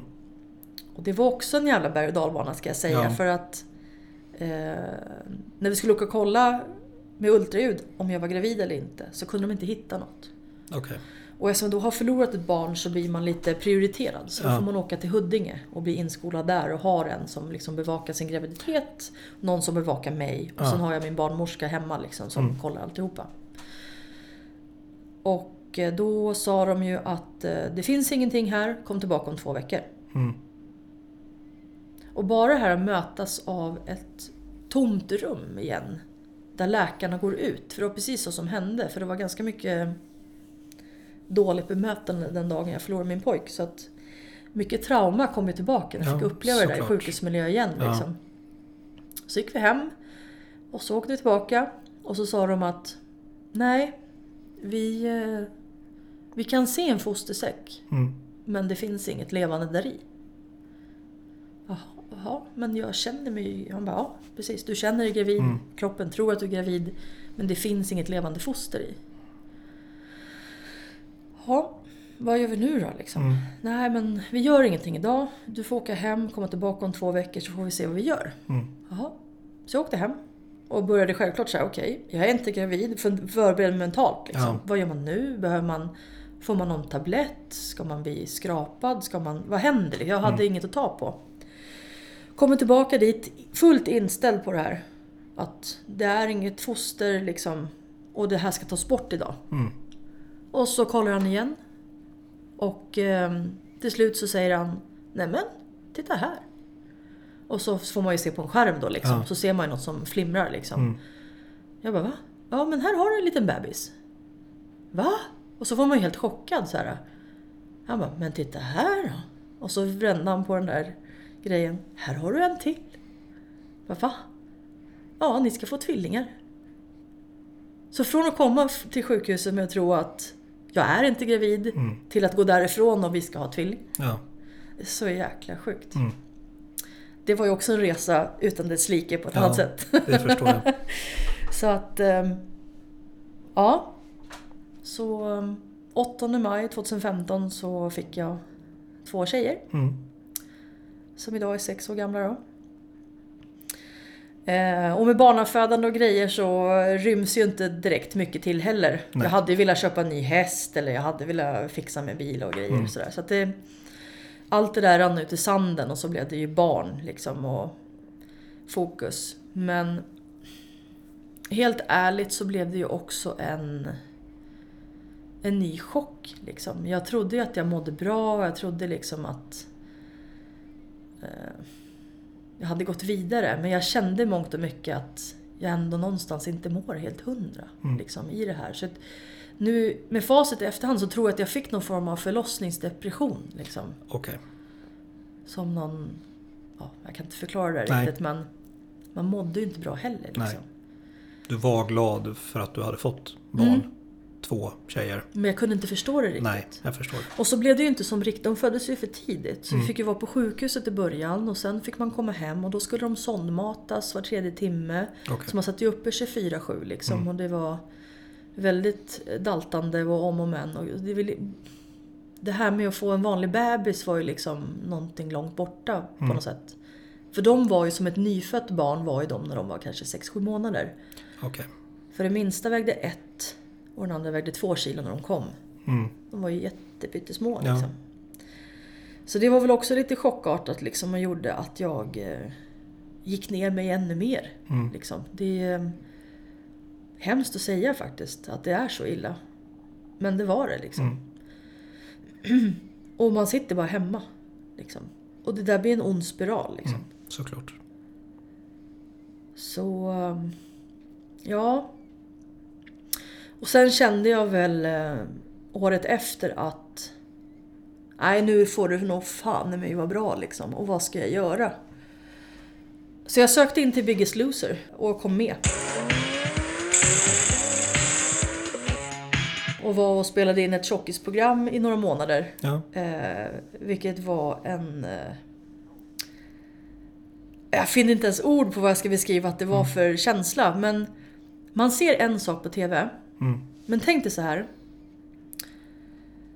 Du träffar, vad var vi, 13-14 stycken andra tjockisar. Som har ungefär samma problematik. Ja. Eh, ni slussas ut till ett slott. Låter ju jävligt flott. Mm. Som är gammalt, slitet, kallt. Äckligt. Du känner inte de här människorna. Nej. Du ska leva på luft. Och du ska träna 10-11 timmar om dagen. Dessutom ska du filmas 14 timmar om dagen. Mm. Du ska ställa upp i tävlingsmoment. Där du vill, du vill ju egentligen inte synas. Nej. Eh, att man ställer in en Beggis Loser är ju bara för att man vill ha hjälp. Liksom. Man vill ju komma någon vart. Man Mm. Ja. liksom är, hallå. Eh, och du har inga yttre omständigheter som kan forma dig. Det vill säga, det finns ingen radio. Eh, du får ta med en iPod som du har spelat in låtar på, men ingenting som har wifi. Okej. Du får inte se en tidning, du får inte kolla på TV, du får inte prata med någon du känner, får inte ha din telefon. Du får ingenting. Ni är så isolerade. Vi är helt Ja. isolerade. Det kan bli atombomb någonstans. Och vi bara, vadå? Vadå atombomb? Det är jag och min fågel här klockan sex på morgonen. Det är så svårt att beskriva den här känslan men liksom Du blir så utelämnad med dig själv och dina känslor. Mm. Så liksom varje morgon klev jag upp kvart i fem, på med skorna, frös som fan. Det här var ju, vi spelade in mellan augusti och november. Ut och gick 5-6 kilometer och bara grät. Ja. Det var så här, alla möjliga sorters konstiga frågor kom upp. För du var ju så jävla ensam liksom. Annars kan man ju prata om någons nyaste platta eller har du sett den där bilen eller såg du det där YouTube-klippet Ja, eller det fanns ju inget sånt att prata om. Nej. Vi hade det vi såg, det vi upplevde och det är lite det de vill åt. De gör ju ett TV-program. Ja. Och det är därför det blir intriger. Du tog mitt ägg Mm. på frukosten och då kan man slå på någon. Alltså vi, Ja. vi här hemma i TV-soffan, vi sitter och skrattar och bara Mm. Vilka idioter, koka ett nytt ägg. Jo, men när du redan har tränat två timmar, du har inte träffat någon du tycker om de senaste fyra veckorna. Mm. Du har knappt ätit någonting. Alltså dagen innan invägning så varken åt eller drack du någonting. Och då tränar du ändå ett fyspass på tre timmar där du hade liksom under de här timmarna. Oj, oj, oj. Ja, det är helt sinnessjukt Mm. faktiskt. Eh, så det där ägget kan i slutändan betyda Ja. väldigt, Väldigt mycket, mycket, för någon. Liksom. Ja, Alltså jag... Titt, jag, jag har inte följt det slaviskt kan jag inte säga. nej, Och jag har jag. knappt sett det liksom. Utan man har Nej. tittat någon gång. Men vi ser ju då alltså vadå 10% av ett helt filmat material då. I det läget då. Ja, alltså de sänder ju två stycken 40 minuters program. Ja. Och de filmade ju liksom ungefär 12 timmar om dagen minst. Förutom på lördagar, då var vi off cam. Okej. Annars var det jämnt, lite frukost, lite det och lite det liksom. Och sen ska man göra sådana här synkar som det heter. Det vill säga när du sitter själv i ett rum och de intervjuar dig. Ja. Och du ska berätta hur du känner inför tävling eller hur du känner efter den där tävlingen. Eller hur du kände nu när Anders tog ditt jävla ägg där på morgonen. Eller, ja, det är mycket sånt där. Ja. Få- Få in drama i det Ja, hela liksom. precis. Och sen ska du berätta din story. Varför du är där och varför du mår dåligt och sådär. Men det var en jävla, det var en jävla bra mental resa för mig. Väldigt bra mental resa. Mindre bra när det handlar om kost. För jag fick lära mig att man ska svälta sig själv. Och det sitter ju kvar än idag liksom. Det är helt sjukt. Det gör det. Ja, det gör det. Ehm, nu har jag ju träffat en, en karl som är PT och hälsofreaket själv och styrketränare och har sig och han bara Men Jenny du måste äta. Alltså du måste äta. Och det där, det blir syntax error i mitt huvud liksom. Ja. Vadå äta? Jag är ju fet för fan, jag ska inte äta liksom. Jo, du måste äta för att du ska orka träna. Ja, skitsamma. Men det är mycket så mentalt liksom, verkligen är det ju. Men i alla fall, så kom jag hem där ehm, 2016 på vintern, ja. Ehm, och ehm, var vilsen. Alltså, du har varit instängd då i tre och en halv månad utan yttre omständigheter. Du har knappt sett en bil, du har liksom varit i skogen och gått, du har liksom ja, gjort saker du inte brukar göra. Liksom. Såklart. Och sen så kommer du hem. Vilket är helt fantastiskt. Det var ju jättekul att träffa Jugge. Ungarna liksom. Jag lämnade dem på in, efter inskolning. Sen drog jag när de var då några månader gamla, Ja. liksom tio månader. Ehm, se mamma, liksom träffa alla igen. Och de var ju helt... Jag hade ju tappat 30 kilo under den här perioden så det var ju en ny Ginny de såg. Mm. Och så komma hem och så ska du filma dig hemma då från ska material. Liksom.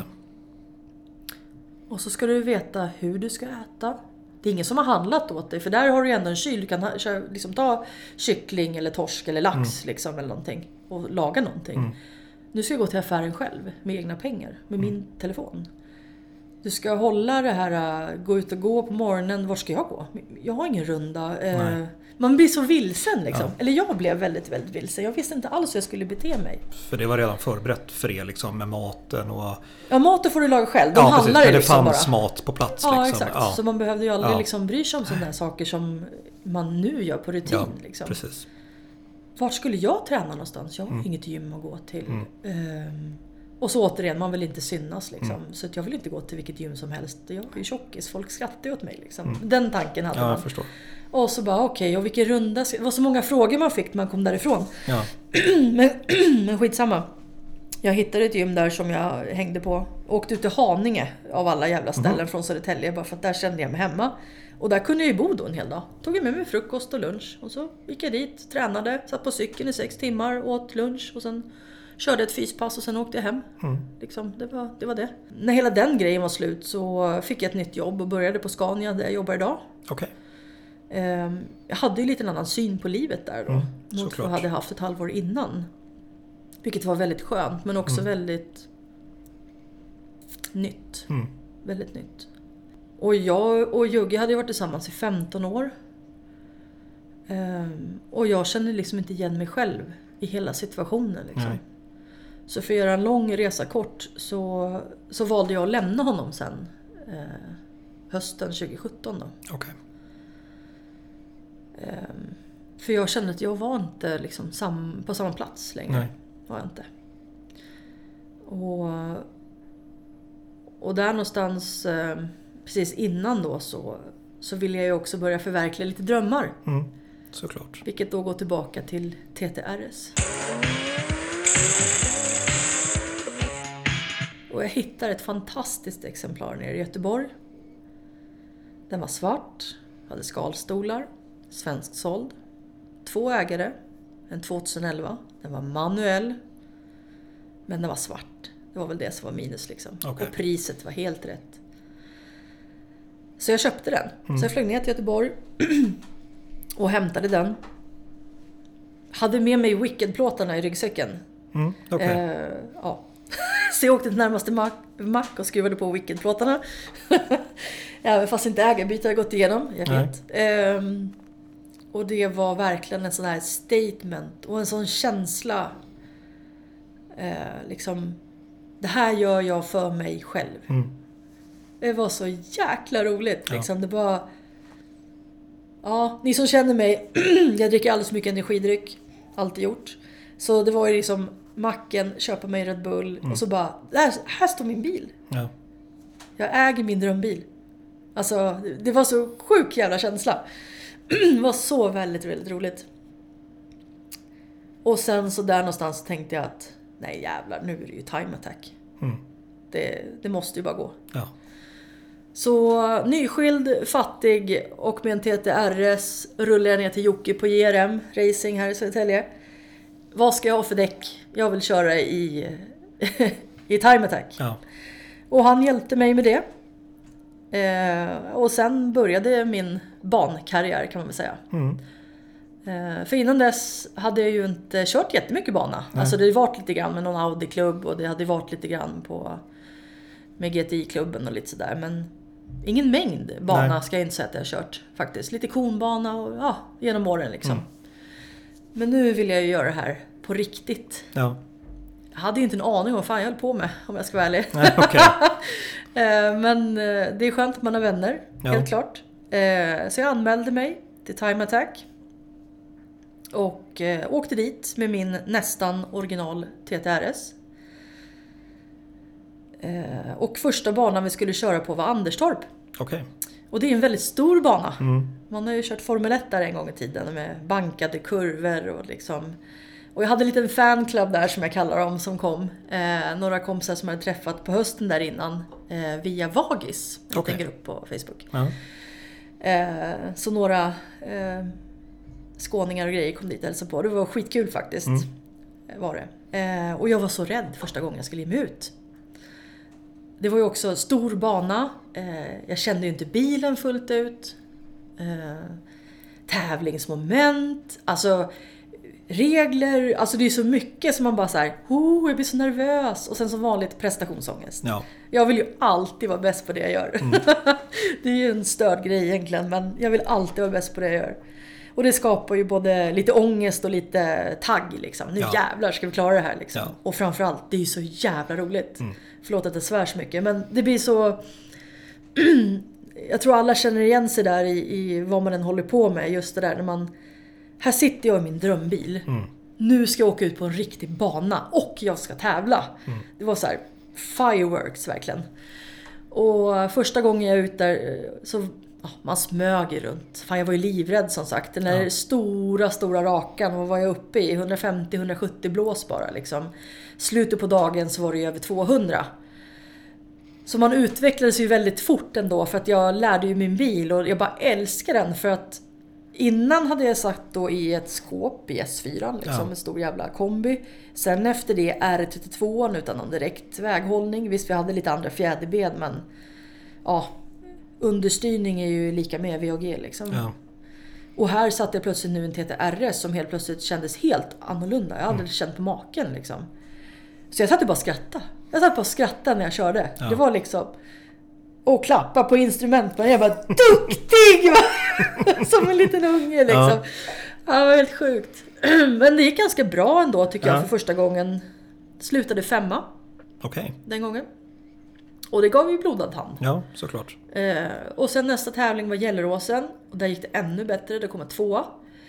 Det ska ju sägas att jag tävlade då i samma klass som Jocke då, JRM. Eh, och han om någon har ju kört mycket bana och är jävligt duktig. Ja. Så jag var ju väldigt glad över min bedrift. Och många fler med mig kan jag säga, för när jag kom i mål då eh, på andra deltävlingen så står ett helt gäng liksom i, eh, vad heter det? Ja, nu tappar jag ord också. Depån? Depån, Ja. tack, i bandepån. Och typ klappar händerna och håller dem i luften liksom, Okej. bara, och bara jublar och skriker.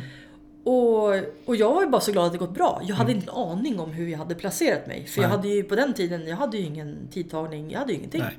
Det var ju bara jag. Så jag vevade ner rutan och de bara Men du kom ju tvåa! Så jag bara Ja. stod och skrek och jag bara va? Så bara grina igen och ja herregud. Ja det var ju sån lycka så det Ja. fanns inte. Tredje deltävlingen var på Rudskogen. Sjukt taggad och det som var så roligt det här året var ju också att jag och två killar till vi körde så himla tätt. Alltså vi krigade om hundradelar vi tre. Så Oj. det var sån strid hela tiden Ja. efter Jocke liksom. Ja. Vem skulle komma två, tre, fyra? eh, och det var så jäkla roligt. Vi sporrade varandra och blev riktigt goda vänner där liksom. Och hade jätte, jättekul. Och det är ju en sån stor del för mig, den här gemenskapen. Att man... Ja, att man får vänner liksom. Ja. Att det är roligt, man delar intresse, man hjälper varann och liksom taggar och ändå sporrar liksom. Och bara, kom igen nu, nu, nu jävlar, nu kör vi liksom. Ehm, så Rudskogen, Norge. Wow, vilken bana. Fantastisk bana. Jätterolig, det är som en karusell verkligen. Ja. Och ni som har kört där eller varit där vet ju om den här beryktade nedförsbacken. Eh, som sen blir typ en ja, 45 grader uppåt igen. Skapar ju respekt, i alla fall hos mig kan jag säga. Mm. För här kommer du och du ska ge flat out. Neråt. Ja. Mot ingenting, för du ska vända 40 grader och gå upp där sen. Mm. Jag sitter i en Audi, hur ska det här gå liksom? Jag kan ju inte bara vifta till på ratten, trycka på gasen och så kommer Nej. bakhjulen liksom. Utan ja, det understyr ju fortfarande fast det är en Audi liksom. Ehm, men eh, jag tog ju hack i häl på Jocke och jag bara, jag ska inte släppa förrän han släpper. Mm. Det måste min bil klara av, tänkte jag, dum fan.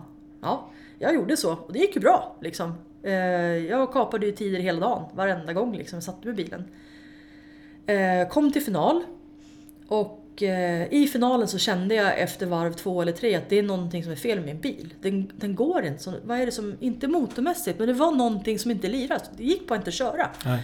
Jag blev helt förtvivlad och sackade efter liksom. Ehm, och sen, ja, sen var ju hitet slut och jag bara hopp, ja, det här gick inget bra. Mm. Så ställde biljäveln och var skitirriterad och bara fan är det som har hänt?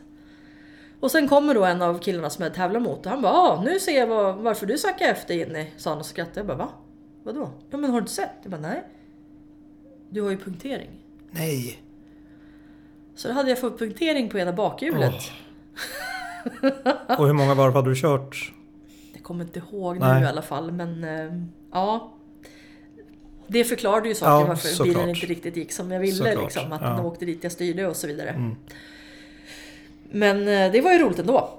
Absolut. Mm. Men eh, ja, som sagt, återigen nyskild och fattig. Jag kunde inte köpa fler däck. Så jag Mm. Nej. kunde inte ställa upp i sista deltävlingen. Vilket var synd. För Ja. annars hade jag liksom eh, kommit bättre i liksom hela listan. Det. Resultatlistan. Ja. Så då bestämde jag mig där, där och då att ska jag göra det här igen, då ska jag göra det på riktigt. Mm. Så då sparade jag in på allt. Och eh, ja, fixade hela chassit på bilen. Eh, fick hjälp av en kille som heter Emil sen på varje deltävling. Som följde med mig, han hjälpte mig. Jag fixade sponsring av eh, Marcus Theorin Okej. eh, som sponsrade med släp. Mm. Så jag kunde ta bilen på släp. Det blev en helt ny värld det här Ja, liksom. Köpte soppadunkar och slipade åka och tanka bilen. Mm. Man började förstå lite mer vad jag behöver för att lyckas bättre liksom. Mm. jag hade ju helt plötsligt Emil i, liksom i lurarna och kunde förstå vad som händer runt omkring. Behöver jag gasa mer? Kan jag åka och vila ett varv nu? Ja. Alltså mycket sånt där gör... Det är mycket teknik i det hela Mm. också liksom. Så 2019 blev ett väldigt bra år. Ehm, Jag essade allt. Eh, Och ja, jag tävlade inte i samma klass som Jocke. och det har väl sin förklaring. Ja, Jag ger han det, han är superduktig. Men för min egen del blev jag väldigt glad. ja Ehm, såklart. För jag lyckades ju essa varje kval och varje tävling så vann jag det året. Och i och med det så fick jag då också riksmästerskapet. Mm, just det. Eh, som första tjej då i time Mm. attack. Grattis. Tack! Ja, i Tack. efterhand får jag Ja, säga. precis. Ja. Tack, tack. Ja, det var också eh, jättekul såklart. Mm. Och en eh, stor eh, merit i Ja. livet. Verkligen. Jag lärde mig mycket det året. Mm. Och så glad över min bil och alla vänner som har ställt upp och Emil och ja, allt och alla. Jag vill, jag vill inte glömma någon. Jag är Nej. jättedålig på namn och minne och sådär. Så att eh, alla som har hjälpt mig att komma dit, liksom, ni vet vilken jag är. Mm. Och det betyder massor liksom. Framtidsplaner då? Med, nu har du ju som sagt du har ju sålt TT'n. Ja, den åkte iväg här för eh, två månader sedan. Ja. Mm. Hur ser framtiden ut när det kommer till bankörningar då? Kommer du komma tillbaka till bankörningen med en Jag ny bil? hoppas det. Mm. Ehm, alltså TT'n är ju en fantastisk bil. Ja, Jag byggde den så som jag ville ha den. och ehm, vi presterade bra tillsammans. Jag kunde utveckla min körning. Men jag kom till den punkten att jag kände att jag behöver en bättre bil för att lära mig mer, eller bli bättre. okej. Jag, jag kunde alltid ge full gas på bilen. Jag liksom... Jag ville mer än vad bilen ville på något vis. Mm. Eh, nu är inte jag världsmästare, inte det jag säger, men för mitt eget bästa så behöver jag någonting som nästan skrämmer mig lite. Okej. Där jag känner att jag nästan ligger lite under medel i liksom i uttag av effekt och grejer för att ha ett spann Mm. att bli bättre. För så var det när jag köpte TT'n. Den var liksom mycket bättre än mig. Den hjälpte mig liksom att komma dit jag skulle. Mm. Men till slut var det jag som bara, vi ska hit och nu har jag byggt dig för att du ska klara det här nu. Mm. Okej, då gör vi det, sa bilen och hängde med. Liksom. Jag var chef över bilen så som det ska vara Ja, givetvis. Men det är så svår känsla, jag, jag tänker väl så konstigt men jag känner att jag behöver en annan bil för att komma mer Mm. och komma längre. Och jag är en tävlingsmänniska. Så jag ser liksom ingen vits med att harva runt. Nej. Eh, Jag kan nästan tycka att en bandag är tråkig för att det finns inget tävlingsmoment. Okej. Jag sliter bara på min bil för att vadå? Alltså det är roligt, Ja. visst mig rätt, men jag är så en jävla tävlingsmänniska. Så jag behöver den sporren. Och då är en träningsdag jättekul, eller två. För då har jag ett mål att okej, om en eller två dagar, då är det, då är det liksom på riktigt. Ja. Så nu ska vi sätta det här, nu ska jag öva på den här banan, eller på den här kurvan och på den där kurvan och essa det liksom. Och imorgon på de här, och sen ska jag få ihop det liksom. Ja. Så man alltid har en plan. Men på en vanlig bandag blir det lite mer så planlöst kul.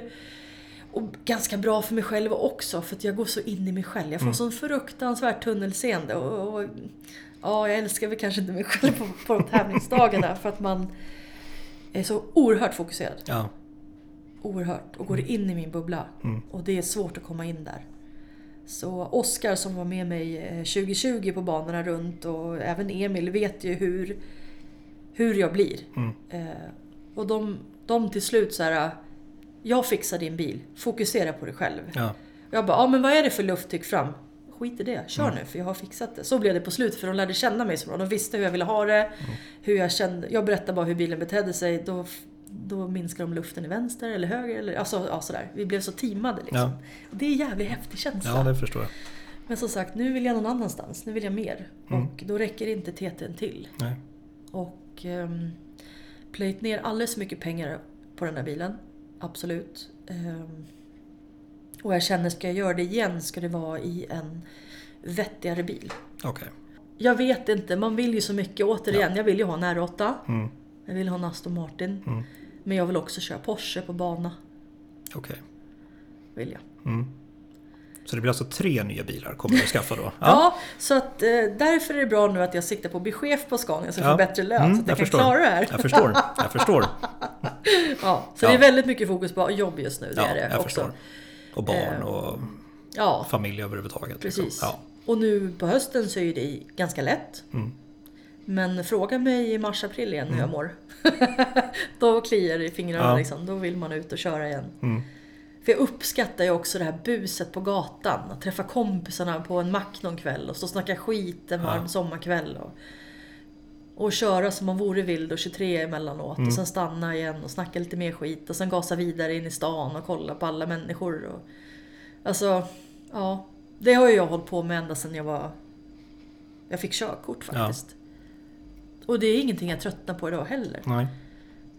Men eh, jag blir mer så rastlös. Jag vill, om folk vill ta sin bil ska vi träffas. Absolut, säger jag. Ska vi köra? Nej, jag tänkte vi ska åka. Ja, okej, nej då, då stannar jag hemma. Okej.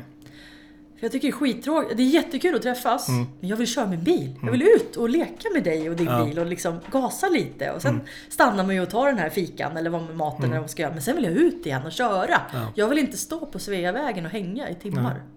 Och se andra köra förbi. Jag, jag, jag vill köra min bil. Jag älskar att köra min bil. Ja, jag förstår det. Så vi får se vad framtiden har. Ja. Jag, det är inte riktigt bestämt. Nej. Jag kan ju säga att jag blev skapligt sugen på nya RS3 sedanen. Mm. Väldigt, för den ligger väldigt bra i pris också. Ja, Så vi får se helt vi, enkelt. vi, vi får se. To Ja. be continued. Favoritbana Oh, som du har kört på? Kan du Ja. välja en eller två kanske? får jag välja tre? Ja, ja du får Nej, men jag har en topp tre. Ja, shoot. Rudskogen, Norge. Mm. Fantastisk. Alltså åk dit och kör. Det är värt allt smör i Småland. Ja. Den är jätterolig och väldigt lärorik. Gotland Ring. Mm. Nu har ju den två eh, slingor då, kan man ju säga och den nya har jag inte kört på. Nej. Men den befintliga så här, första slingan är jätterolig. Mm. Jag har kört på den alldeles för lite, jag bara åkt där några somrar liksom, några gånger. Kan knappt banan. Men den bjuder på så mycket överraskningar hela tiden. Ja. Höger, vänster, upp och ner, fram och tillbaka höll jag på att säga. Alltså den är jätte, jätterolig. Eh, och återigen, man sitter ju bara och skrattar när man Mm. kör där liksom. Eh, så att eh, jag kan tänka mig att den nya bansträckningen också är vansinnigt kul. Ja. Och sen inte minst Gelleråsen. Ja. En jättefavorit. Alltså det är, många pratar om Mantorp och jag kan förstå dem som har mycket effekt också för det är också en stor bana. Jag tycker ändå att Mantorp är ganska lätt och bjuder inte på så mycket överraskningar. Du har parisaren och liksom lilla knixen och sen då? Mm. Men det kanske är för att jag har alltid haft så motorsvag bil liksom. Jag har inte kunnat utnyttja det där. Men jag fick prova Roddy Liljas Nissan GTR på Mm. Gelleråsen. Okej. Ja, helt galet egentligen. Ja. Jag hade ju träffat honom tre minuter. Han bara här, ta min bil. Va? Ja, ut och kör.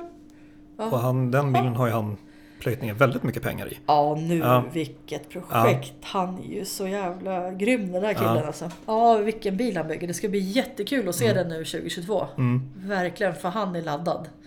Och han har gjort en oerhörd liksom, utveckling i sin körning. Ja. Jag träffade ju han första gången han skulle köra bana och han tog, har tagit det så försiktigt och bara nej men det här är okej och jag är, jag är nöjd så här. Och han hade så mycket potential och en annan bara men kör! Liksom. Han bara nej men gör det här. Och sen började hornen växa ut Ja. och han liksom märkte att jag är fan duktig liksom. Mm. Det var jävligt kul att se för han är, ja, han är jätteduktig. Jag tror han kommer gå riktigt långt Ja. faktiskt. Men jag fick i alla fall provköra hans Mm. bil på Gelleråsen. Och det är också så här jättestarkt bilminne. Ehm, faktiskt, ta ut den där. Jag vet inte ens vilken mapp jag körde på men säg att det var 500-600 hästar vad vet Ja. jag? Jag har inte en aning. Men vilken bil! Eh, ja, då blev det så här. Ja. Den här bilen ska jag köpa av dig Roddy. Sen har det varit en liten jargong sådär. Att när han Ja. är klar med den ska jag köpa den. Nu vet jag inte längre för nu är det ett sånt monster så att Mm. det, det går inte. Men fantastisk bil och vad, vad lätt den var att köra på bana. Och den, den hade ju den här effekten jag saknade i TT'n. Liksom, Så att det kunde släppa ut röven lite grann och det var med mig liksom ut i kurvan på ett helt annat sätt. Och, Ja, jag skrattade så jag grina. Ja. Alltså jag bara grät, grät, grät. Och det blev rödflagg där när vi körde. Så jag körde av i depån och hoppade ut och tänkte nu okej, nu är det slutkört för mig. Nu får inte jag köra mer. Mm. Och tårarna bara rann. Så han kom ju fram till mig. Men gud vad är det som händer? Hur mår du? Det är så jävla roligt! Jag fick inte fram ljud liksom Mm. Nej. för att jag bara grät. För det var så jäkla... Det var en sån upplevelse Mm. liksom att wow! Fan vad ballt! Kul. Ja, och just det där att någon lånar ut en sån här Ja. bil till någon som de inte känner. Det är ju också så här, jag blir så liksom glad och tacksam för det. Så att, ehm, ja. Så där hittade jag en väldigt fin vän, måste jag säga. Ja. Roddy Lilja, Ja. fantastisk kille. Har du någon idol eller förebild inom ja, bilvärlden i det här fallet? Men du kan få välja överhuvudtaget. Ted Björk, Ted Björk. Ja. faktiskt. STCC-legendaren. Ja, Mm. precis.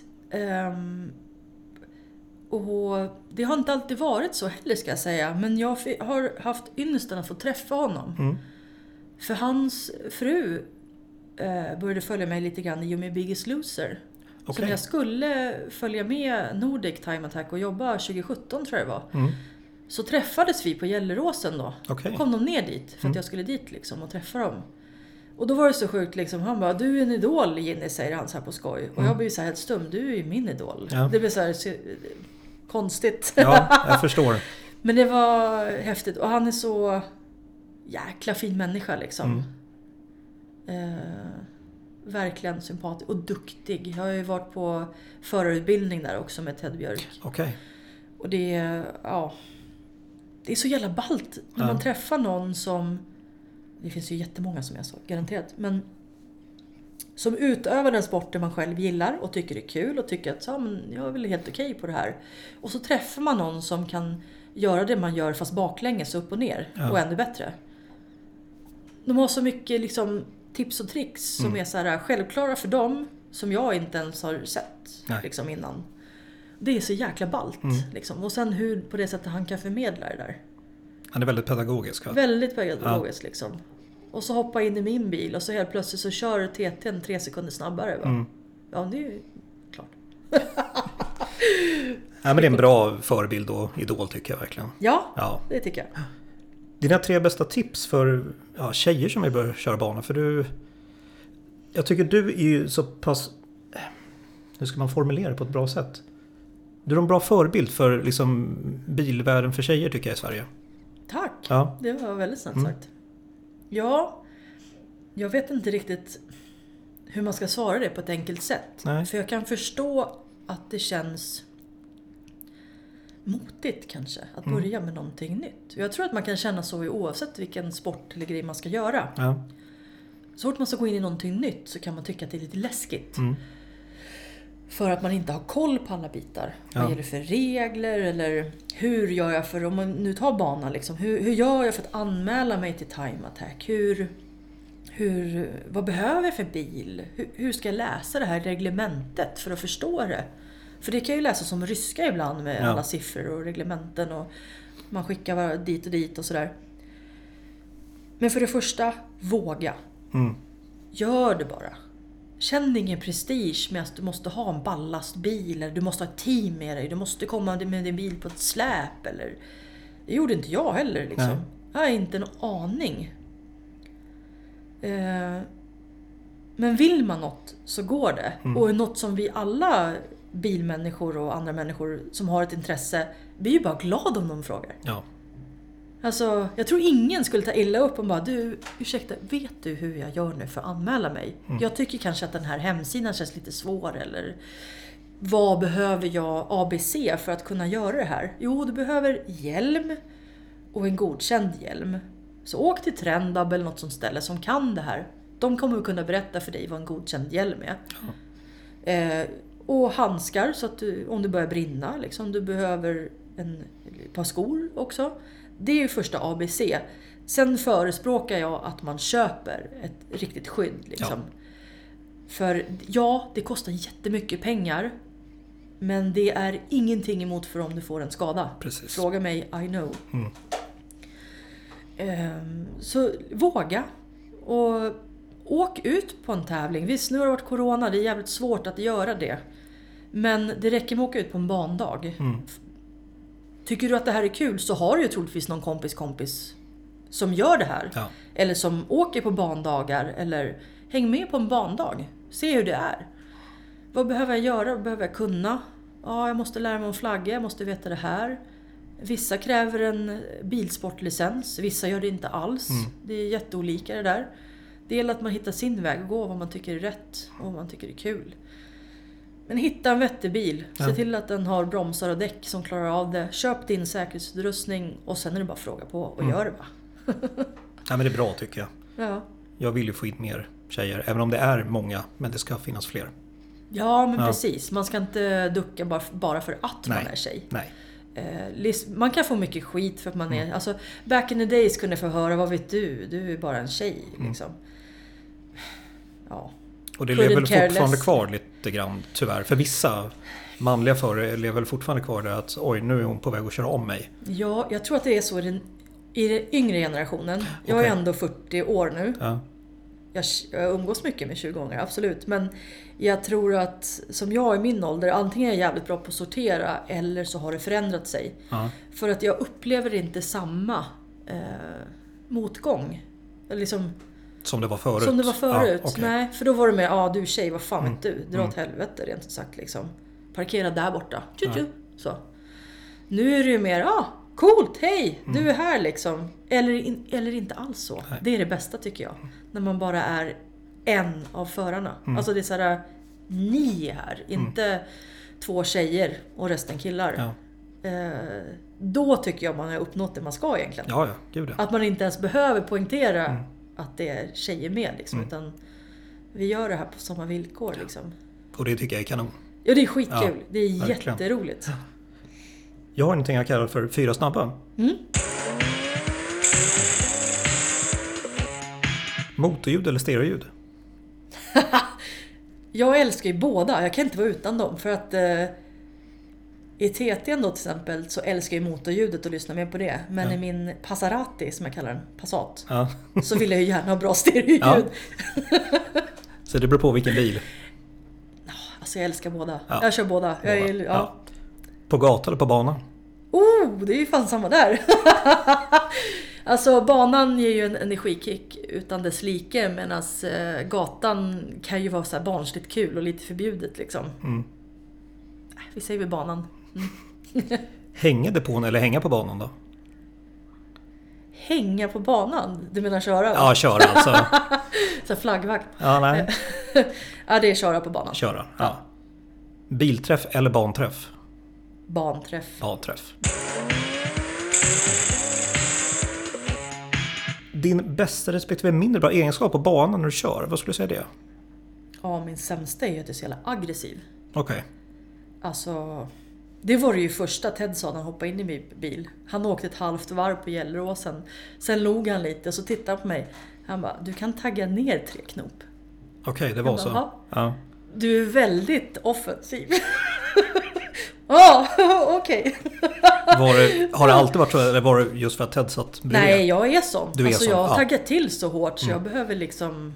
Mm, så det, det är ju någonting jag faktiskt har jobbat med ganska Mm. hårt ända sedan jag började. Att eh, hitta ett jämnare körsätt liksom. Okej. Det Bästa, då? bästa är... Ja, det är ju en jävligt bra fråga. Det Att du bästa. är envis, skulle jag säga. Tack, ja det kanske är det Mm. faktiskt. Ja, om man inte... Du ger inte. Nej. Nej, så är det nog. Mm. Du kanske häller orden i din mun här, men Ja, det är okej. det är okej. Ja. Finns det någonting du vill tipsa om? Ja, det gör det faktiskt. Som... Jag skulle rent generellt bara säga, du har ett liv. Lev det livet. Till max. Mm. Faktiskt. Det är, gör det bästa du kan varje dag liksom, med det du har. Och försök alltid nå dina drömmar. Mm. Du har, du har, alltså du har dig själv närmast liksom, så stoppa inte undan dig själv utan kliv fram. Liksom. Och det har ju du verkligen gjort. Ja, kanske. För du har ju lärt dig ofantligt mycket Ja, det har jag gjort. om dig själv. Ja, också. men verkligen. Jo, men det, det har jag nog gjort. Mm. Jag. Bra tips tycker jag. Finns du på sociala medier? det gör jag. Ja. Eh, Instagram är det Wicked Motorsport. Mm. Är det. Finns på Facebook också. Jag har inte så svårt namn så det är bara att leta upp mig. Jag finns överallt. Mm. Googla mig så ser Ja. ni allt. Och då måste jag fråga dig, Wicked, var kommer det ifrån? Det Ja. namnet? Ja, jag köpte skylten 2004. Ja, Eh, och då hade vi en Lupo ny. okej. Ja. Eh, som jag övrigt blev väldigt retad för. För att den hade tre stora såna här Hella 3000 extra ljus fram på. Så alla trodde att den där kommer tippa Ginny.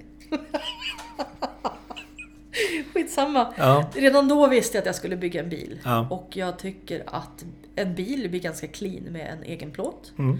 Eh, jag vill ha någonting som sticker ut. Och det första jag hade tänkt var, håll i er nu, Eat Me. okej. Och då menar jag inte det ur kvinnligt perspektiv. Utan jag menar det mer så kom igen då, kom och ta mig. Ja. Kör ifrån mig om du kan Mm. liksom. inte andra. Men det var ju det som var så jävla roligt för sen ringer de upp på väg, Vägverket där. Och då, på den tiden var de tre stycken som satt. Två herrar och en kvinna. Mm. I 50-årsåldern då. Som bedömer om det är okej med de här skyltarna eller inte. Okej. Och då säger den här farbrorn till mig att "Nej, vi, vi kommer tyvärr avslå din skylt. Jag bara Mm. nej, jaha, eh, varför då liksom? Nej, alltså oss emellan. Gunvor här tyckte att det var lite sexistiskt med Eat Me. och Okej. var, då var det första gången jag tänkte, ja jävlar det kan Ja. ju faktiskt tolkas. så." Jag är jätteglad att jag inte har den skylten Ja. idag. Jag är jätteglad. Och Wicked kom av att eh, jag och Jugge satt och spånade hemma då i, i Svinninge och undrade vad fan ska jag ha för skylt? Mm. För jag vill inte ha Ginny och jag vill inte Nej. ha skog. Jag vill ju... Återigen, jag har inte varit så mycket att definiera mig liksom sådär att sticka ut på det sättet. Vilket är jävligt märkligt för med Wicked och med alla bilar jag haft så har jag inte gjort något annat. Men i alla fall. Mm. Helt plötsligt så börjar han bara Wicked, Wicked! Ajt! För det gick ju någon jävla serie som jag helt har missat där man säger det här. Det är Jaha, någon... okej. Jag kommer inte ens ihåg vad fan han heter men det var någon sån här komediserie. Ja. Eh, jag bara Wicked? Jag bara, hmm. Och så började du smaka på det och det kändes... Ja, Ja. och så var det så här, vad betyder wicked? Det Mm. var så här ond, ondskefull, ehm, rolig, karismatisk. Alltså det hade så mycket upp och ner, Ja. alltså det var motsägelse nästan också i det ordet. Mm. För du kan säga att någonting är wicked om någonting bra, Ja. men du kan också säga fucking wicked Mm. om någonting riktigt Dåligt. elakt. Ja, eller liksom. elakt. så, ja. så jag tänkte, hmm, wicked. Men jag är ju jävligt wicked. Alltså i den bemärkelsen lite udda så Mm. liksom. Det finns ju, jag tror inte det finns någon som jag träffat som har glömt bort mig. För att antingen har jag skrattat för högt, gjort bort mig på något föremöte, Mm. haft en udda bil. Alltså det har alltid varit någonting Ja. och sen så ser jag ut som jag gör. Så folk kommer ju liksom ihåg mig. Det där var lite så här wicked. Det passar ju mig. Mm. Och nu har det hängt med liksom sedan 2004. Så Ja. den får hänga med ett tag Ja. till. Ja, men kul att höra var det kommer ifrån. För jag Ja. har undrat det. Så jag tänkte att man ska fråga när man har sprungit på den. Så har man glömt det. Ja, precis. Vem skulle du vilja höra i podden? Mm, Roddy Lilja Mm. vill jag höra. Och Ted Björk. Ted Björk också. Ja, definitivt. Om du får slänga in några tjejer då? Tina Turner. Tina Turner. Ja. Eller Mikaela Kotulinski. Mm. Jag har haft äran att träffa hennes bror och hennes mamma Okej. eh, när jag varit på förutbildning. Mm. Eh, och det var väldigt trevliga människor och hon ville ju att jag skulle följa med och köra något hej och. Det var, det var väldigt roligt Mm. och jag tror att Mikaela är ju en... Alltså vilken brud. Ja. Wow. Ja, hela familjen. Kotelinski Ja. är ju helt fantastiska. Ja, liksom. gud. Och hennes mamma har ju verkligen varit någon som har varit med och drivit det här med tjejer framåt i motorsporten. Mm. Så att eh, det har varit jäkligt kul att se. Ja. Och, ja, så där har du några stycken du kan greppa. Mamma Kotelinski kanske? Ja. Och till och med pappa Ja, precis. också. Hela familjen. Du får en familjepodd. Ja, Köpa fler mickar Ja, här nu precis, så vi får kan ha lite det. snack. Ja. Jag kan vara med på ett hörn. ja. bra. Men Jenny, tack så hemskt mycket för att du ville vara med. Solid så. Ja. Tack själv. Ha det bra. Du Hej då. med. Hej.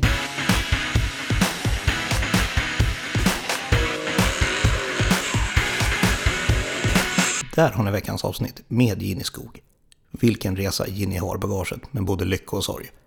Jag hoppas Ginny kommer tillbaka snart till racerbanorna igen med en bil som hon verkligen kan utvecklas i ännu mera. Lycka till Ginny! Vill ni följa Ginny finns hon på Instagram under namnet Wicked Motorsport. Och Recipespodden hittar ni som vanligt på Instagram och som Facebookgrupp. Detta var årets sista avsnitt, men vi är tillbaka igen till våren med nya och spännande gäster. Har ni tips på gäster eller ämnen som ni skulle vilja höra i podden så hör av er till räsbispodden gmail.com eller skicka DM på Instagram. Tack för att ni har lyssnat. Vi hörs nästa år igen. Ha det bra fram till dess. Och god jul och ett gott nytt år önskar jag, Marcus, på Räsbispodden. Hej då!